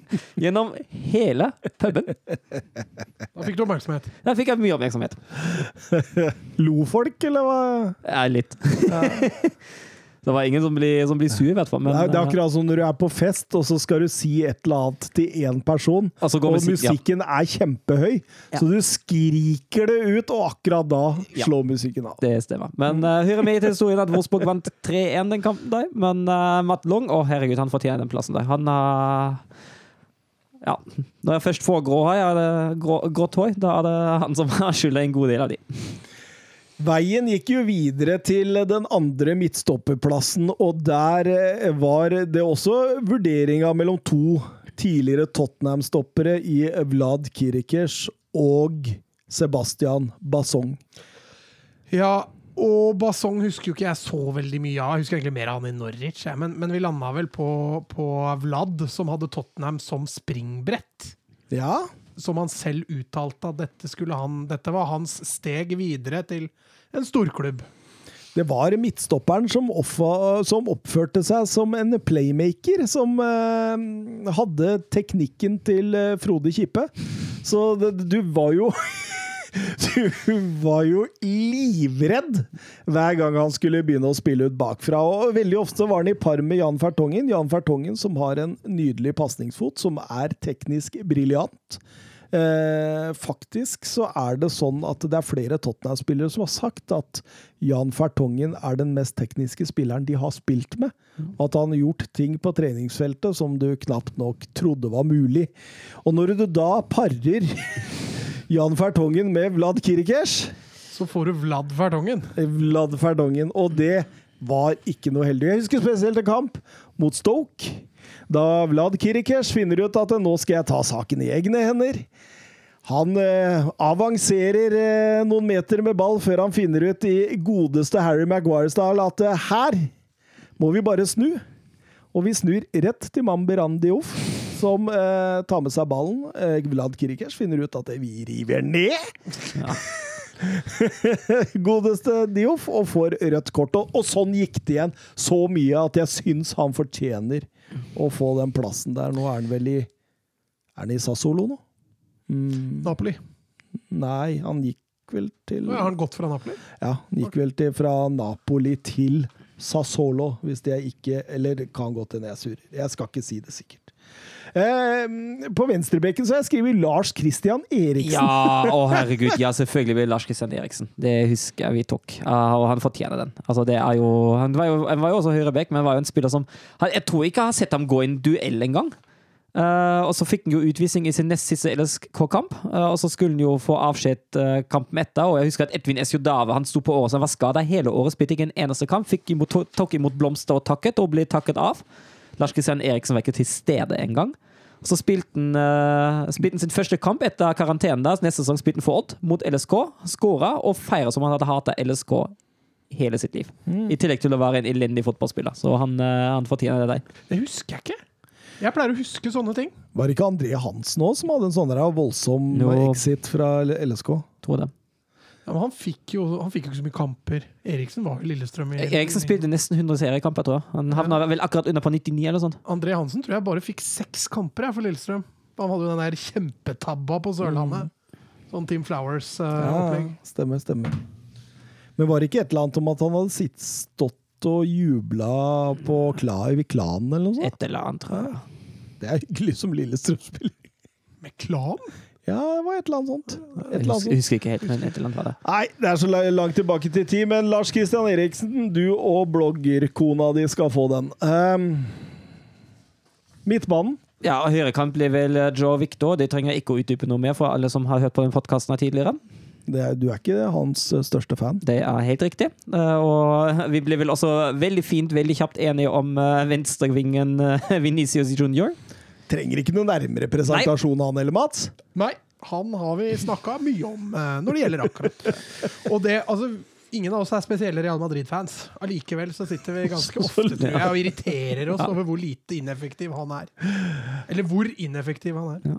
Absolutt. Altså, Eh, Sentral midt. Eh, Den ene blir vel Matthew. Ja, stemmer det. Stemmer det. Uh, Fikk du til han? Ja, vi, fikk, vi vel Ja, fordi han var jo jeg Han drev jeg snakka om at det var en av LSKs beste spillere, jeg var Og- ikke helt enig i det. Men han er jo en god fotballspiller, men han gjør altså så mye rart. Jeg Du tenker på den eh, på Intility. Jeg tenker spesielt på den på Intility, men jeg synes også i fjor han hadde en god del sånne rare involveringer. Var det samme kamp Frode Kippe gikk amok med VGTV rett bak seg? Det tror jeg det var. ja, det kan tenkes. Altså, altså, er det jo litt sånn, altså, avfyr han tar og skyter eller spiller pasning, han treffer jo som regel feil. han Så, så har han jo fått mye skryt i oppkjøringa nå. Og så går han utpå mot godset der. Og så, nå har ikke jeg sett kampen, men jeg hører jo bare at han er vært samme gamle tralten. Eh, Så husker jeg ikke hvem vi hadde ved siden av Matthew, det må alle innrømme. Eh, Det, jeg tror ifølge mine papirer her at det er enten Adrien Rabiot eller Rabiot. Sofiane Bofal. Det var Rabiot. Bofal, han, eh, han eh, Vet du hva, han eh, fortjener det. Han òg blei jo henta til Southampton fra Lill i 2016 for ganske god pengesum. Store forventninger, og du hadde jo hørt mye om han, og sånt, og så kommer han, altså er han Altså, han kan drible av tre-fire spillere, dra noen Cruyff-finter og noen vendinger, og så spiller han ballen rett til forsvareren. Litt sånn typisk. Han hadde et lån i Celta Vigo, og så ble han sendt gratis til Angers før denne sesongen. Rabiot han har vel jeg sagt nok om i denne podkasten. altså, og ikke nok med at eh, han er en eh, frustrerende fotballspiller, men han er en frustrerende person også. Og mora hans er frustrerende, så da, da har du alt på. Spisser, da? De tror jeg vi ikke har kommet fram til ennå. Det mener jeg ikke vi har avgjort. Er, mine kandidater er Luke Rogers og Lukas Podolsky. Ja, Podolsky for tida hans i generelt, han var jo, altså, han var jo taktisk helt ubrukelig. Av, av, avgjørelsene Generelt overalt. Ja, altså, men av- avgjørelsene han tok oh, herregud, altså. Han har jo god skuddfot og hele pakka, men, uh, Men nå er det ikke spillere du hater, Søren. Nå er det spillere du blir litt frustrert over. Ja, jeg blir frustrert av Podolsky. Til de Men han hadde jo et strålende VM der, da! VM i Ja. Med Klose, var det det? 2006. 2006 var han, han, var strå, altså, han var jo en god fotballspiller for all del, men avgjørelsesteknisk oh, Holy. Men jeg, jeg tror jeg topper den, altså. Martin Braithwaite, eller? Eh, El Haji Diouf. ja, greit. Han eh, er jo mest kjent for eh, enkelte gode kamper i Senegal og et turbulent forhold i, opphold i Liverpool. Eh, kommer fra Lans etter VM i 2002, hvor han tidvis var fantastisk. Og han eh, har jo egentlig hatt, eller hadde besatt en haug av kvaliteter som gjør at du skal lykkes på den absolutt eh, øverste scene, men han han var så ufordragelig og så dårlig eh, foran mål, og så ekstremt dårlig til å ta valg. At det, jeg, jeg tror det var Jamie Carragher som sa at det er en av de verste angrepsspillerne som har vært i Liverpools historie. Og at det, det var den eneste nummer ni han kom på i klubbens historie som hadde gått en hel sesong uten å skåre ett eneste mål. Hans forteller også at han var upopulær i spillergruppa, og var alltid valgt sist på trening. En ekte kjennerkar, altså. Var vel en tur i Blackburn òg, var han ikke Ja, det? han var det. Bolten, Bolten var han vel. da. Og så, og så eh, vil jeg jo ta med Jo Linton, da, selv om han har, få, han har fått tre mål på de siste seks kampene i Newcastle nå, men, men eh, det har vært voldsomt. Men der, der syns jeg Luke Rogers er en kategori over, altså. For, meg, for meg er det Martin Braithwaite. Ja, vi kan ta med Braithwaite. Så har jeg snakka så mye i den Altså- podkasten altså- om Braithwaite. Ikke fordi han Altså, Han er bare en fryktelig dårlig fotballspiller i en altfor god klubb. Det er det som er frustrasjonen her. Ja, Ja, vi kan godt ta med Braithwaite. Da får Mats inn en Barcelona-spiller òg. ja det er greit. det. er greit. Da får vi Dio for Braithwaite på topp. Det er helt fair. Ålreit ålreit lag. Og da får vi ut Pål Åske, for han var god. Yeah. Se, altså. Ja, ja, men det laget der rykker ratt ned fra en eller annen toppdivisjon. Det, det kan ikke se bort ifra det. Altså. Ja, er vi fornøyde? Ja. Jeg, jeg kjenner her at hvis vi skal sette noen verdensrekord, så skal vi ha nye stoler inn i studio. ja. For det, det tror jeg ville bli verre enn å sykle til Sandnes. ja det, det tror jeg, men det finner vi ut av. Ah, du blir sånn følgebil, du. Jeg blir følgebil. Ja, Ja, dere må men dere må gi meg beskjed snart når dere drar, altså. Ja, vi må finne ut av det. Må finne ut av det. Men det tar vi når sola skinner. Ja. Det er mulig jeg kommer og møter dere i Sandnes bare og tar festen og drar hjem igjen. Altså. Ja, Du, du skal ta- vare på bagasjen vår, da. Ja, ja, Men jeg tar jo med den, da. ta med. Dere får sove, sove under åpen himmel på vei ned. da, vet Vi har kun bagasje når vi kommer til Sandnes. Vi. Ja, nei, vi får finne et uh, men, men det er litt kjedelig, da. Altså, altså dra til Sandnes, og så hvis vi skal da ta en fest, og så er vi ikke i Stavanger, tror jeg. Men da, da kan vi i hvert fall ta toget inn til Stavanger, Ja, det kanskje. er ikke lange betaen fra Sandnes til Nei, Stavanger. det er det jeg mener. Men Eller så jeg, vi hadde- men jeg tror vi er lei sykling når vi kommer til Sandnes. Ja, men jeg kan, jeg kan jo kjøre dere, da, hvis dere Ja. vil. Ja. Det går an. Det går fint. Du kan ta, parkere bilen i Sandnes, ta toget, toget til Stavanger, og så ta toget tilbake til Sandnes og, kjøre hjem. Der ser du hvor sliten jeg er i dag! Fant ut at det var lurt, jeg. Ja, bare gå du, Søren. Si ha det bra Ja, til lytterne våre. Ha det bra. Auf Wiedersehen. Auf Wiedersehen. Og vi avslutter diverse ligaer neste tirsdag, Mats. Det er vel bare da Champions League-finalen som står igjen når neste helg er, eh, er over. Så det blir litt vemodig å si neste helg, altså. Men samtidig da, så blir det litt gøy, for da kan podkasten gå inn i en ny sånn periode med litt andre ting enn bare ligafotball òg. Ja, det blir vel litt EM og Ja. forberedelse til EM og forberedelse til neste sesong, som forhåpentligvis blir normal. Guinness rekordbok og Jeg kjenner jeg ikke, altså jeg er ikke helt der med dere. ass. Jeg gleder meg ikke til det der. Det blir dritfunny, tror jeg. Jeg er ikke veldig god når jeg er trøtt. Nei, men Det er jo derfor du kan ligge og slappe av bak i sofaen der. Men jeg eh. kan ikke det i 36 timer, da blir jeg jo ikke med. Nei, Men jeg er helt enig. Stoler, det må vi ha. Kanskje sånn der med sånn som ruller bak ryggen din. Sånn massasjestol. ja. Da holder du det gående lenger. Så må vi ha sånne Hva heter det for noe sånn man spiste når man var yngre for å holde seg våken hele natta? Drue, druesukker. druesukker, ja. Ja, Eller battery. ja, men det, du går tom, vet du. Ja. Et par sånne batteries, så er det ikke noe futt lenger i de batteriene heller. Og så ehm, Jeg så han som har verdensrekorden. Han, ehm, han har 36 timer. Og eh, han spilte inn Søren løper. Han spilte inn 36 timer på rad, sånn, men du får jo ikke i programmet spilt 36 timer i strekk. Så han delte det opp i verdensrekord del 1, verdensrekord del 2, ikke sånn, sånn. Type sånn. Og det må vi gjøre òg, så vi bruker jo litt tid også på å, å ta den ut. Og redigere eh, Vi redigerer jo ingenting, men å ta den ut. Så da får vi en liten pause, da kan du sove. Men går det da på Nei, det går ikke på verdensrekord, fordi den pausen vi har imellom da, det teller ikke. Det teller jo ikke, Nei. for det er jo antall spilt inn vi gjør på rad. Ja. Ikke sant? Åh, det blir tungt. Det blir litt moro, da. Ja, ja, ja. Men hvem er det som skal sjekke hvor lang tid vi bruker imellom hver eh? Nei, Det får du ikke gjort. Nei, Så vi kunne kalt det en verdensrekord og bare satt alle episodene våre sammen nå? Men så dumme er vi ikke. Nei, nei, nei. Bare... Vi, vi, vi, vil jo prøve dette. Ja, ja. Det er gøy. Nei, nei nok... vi er ikke som P4. var... Vi kødder ikke, kødder ikke, med sånt. Det var sinna at det var kødd. Hvor stor er en fisk? Vi avslutter med de orda, vi. Ja, vi gjør det. Ha det bra. Adjø. Messi. Surging forward with real menace here. Brilliant from Messi.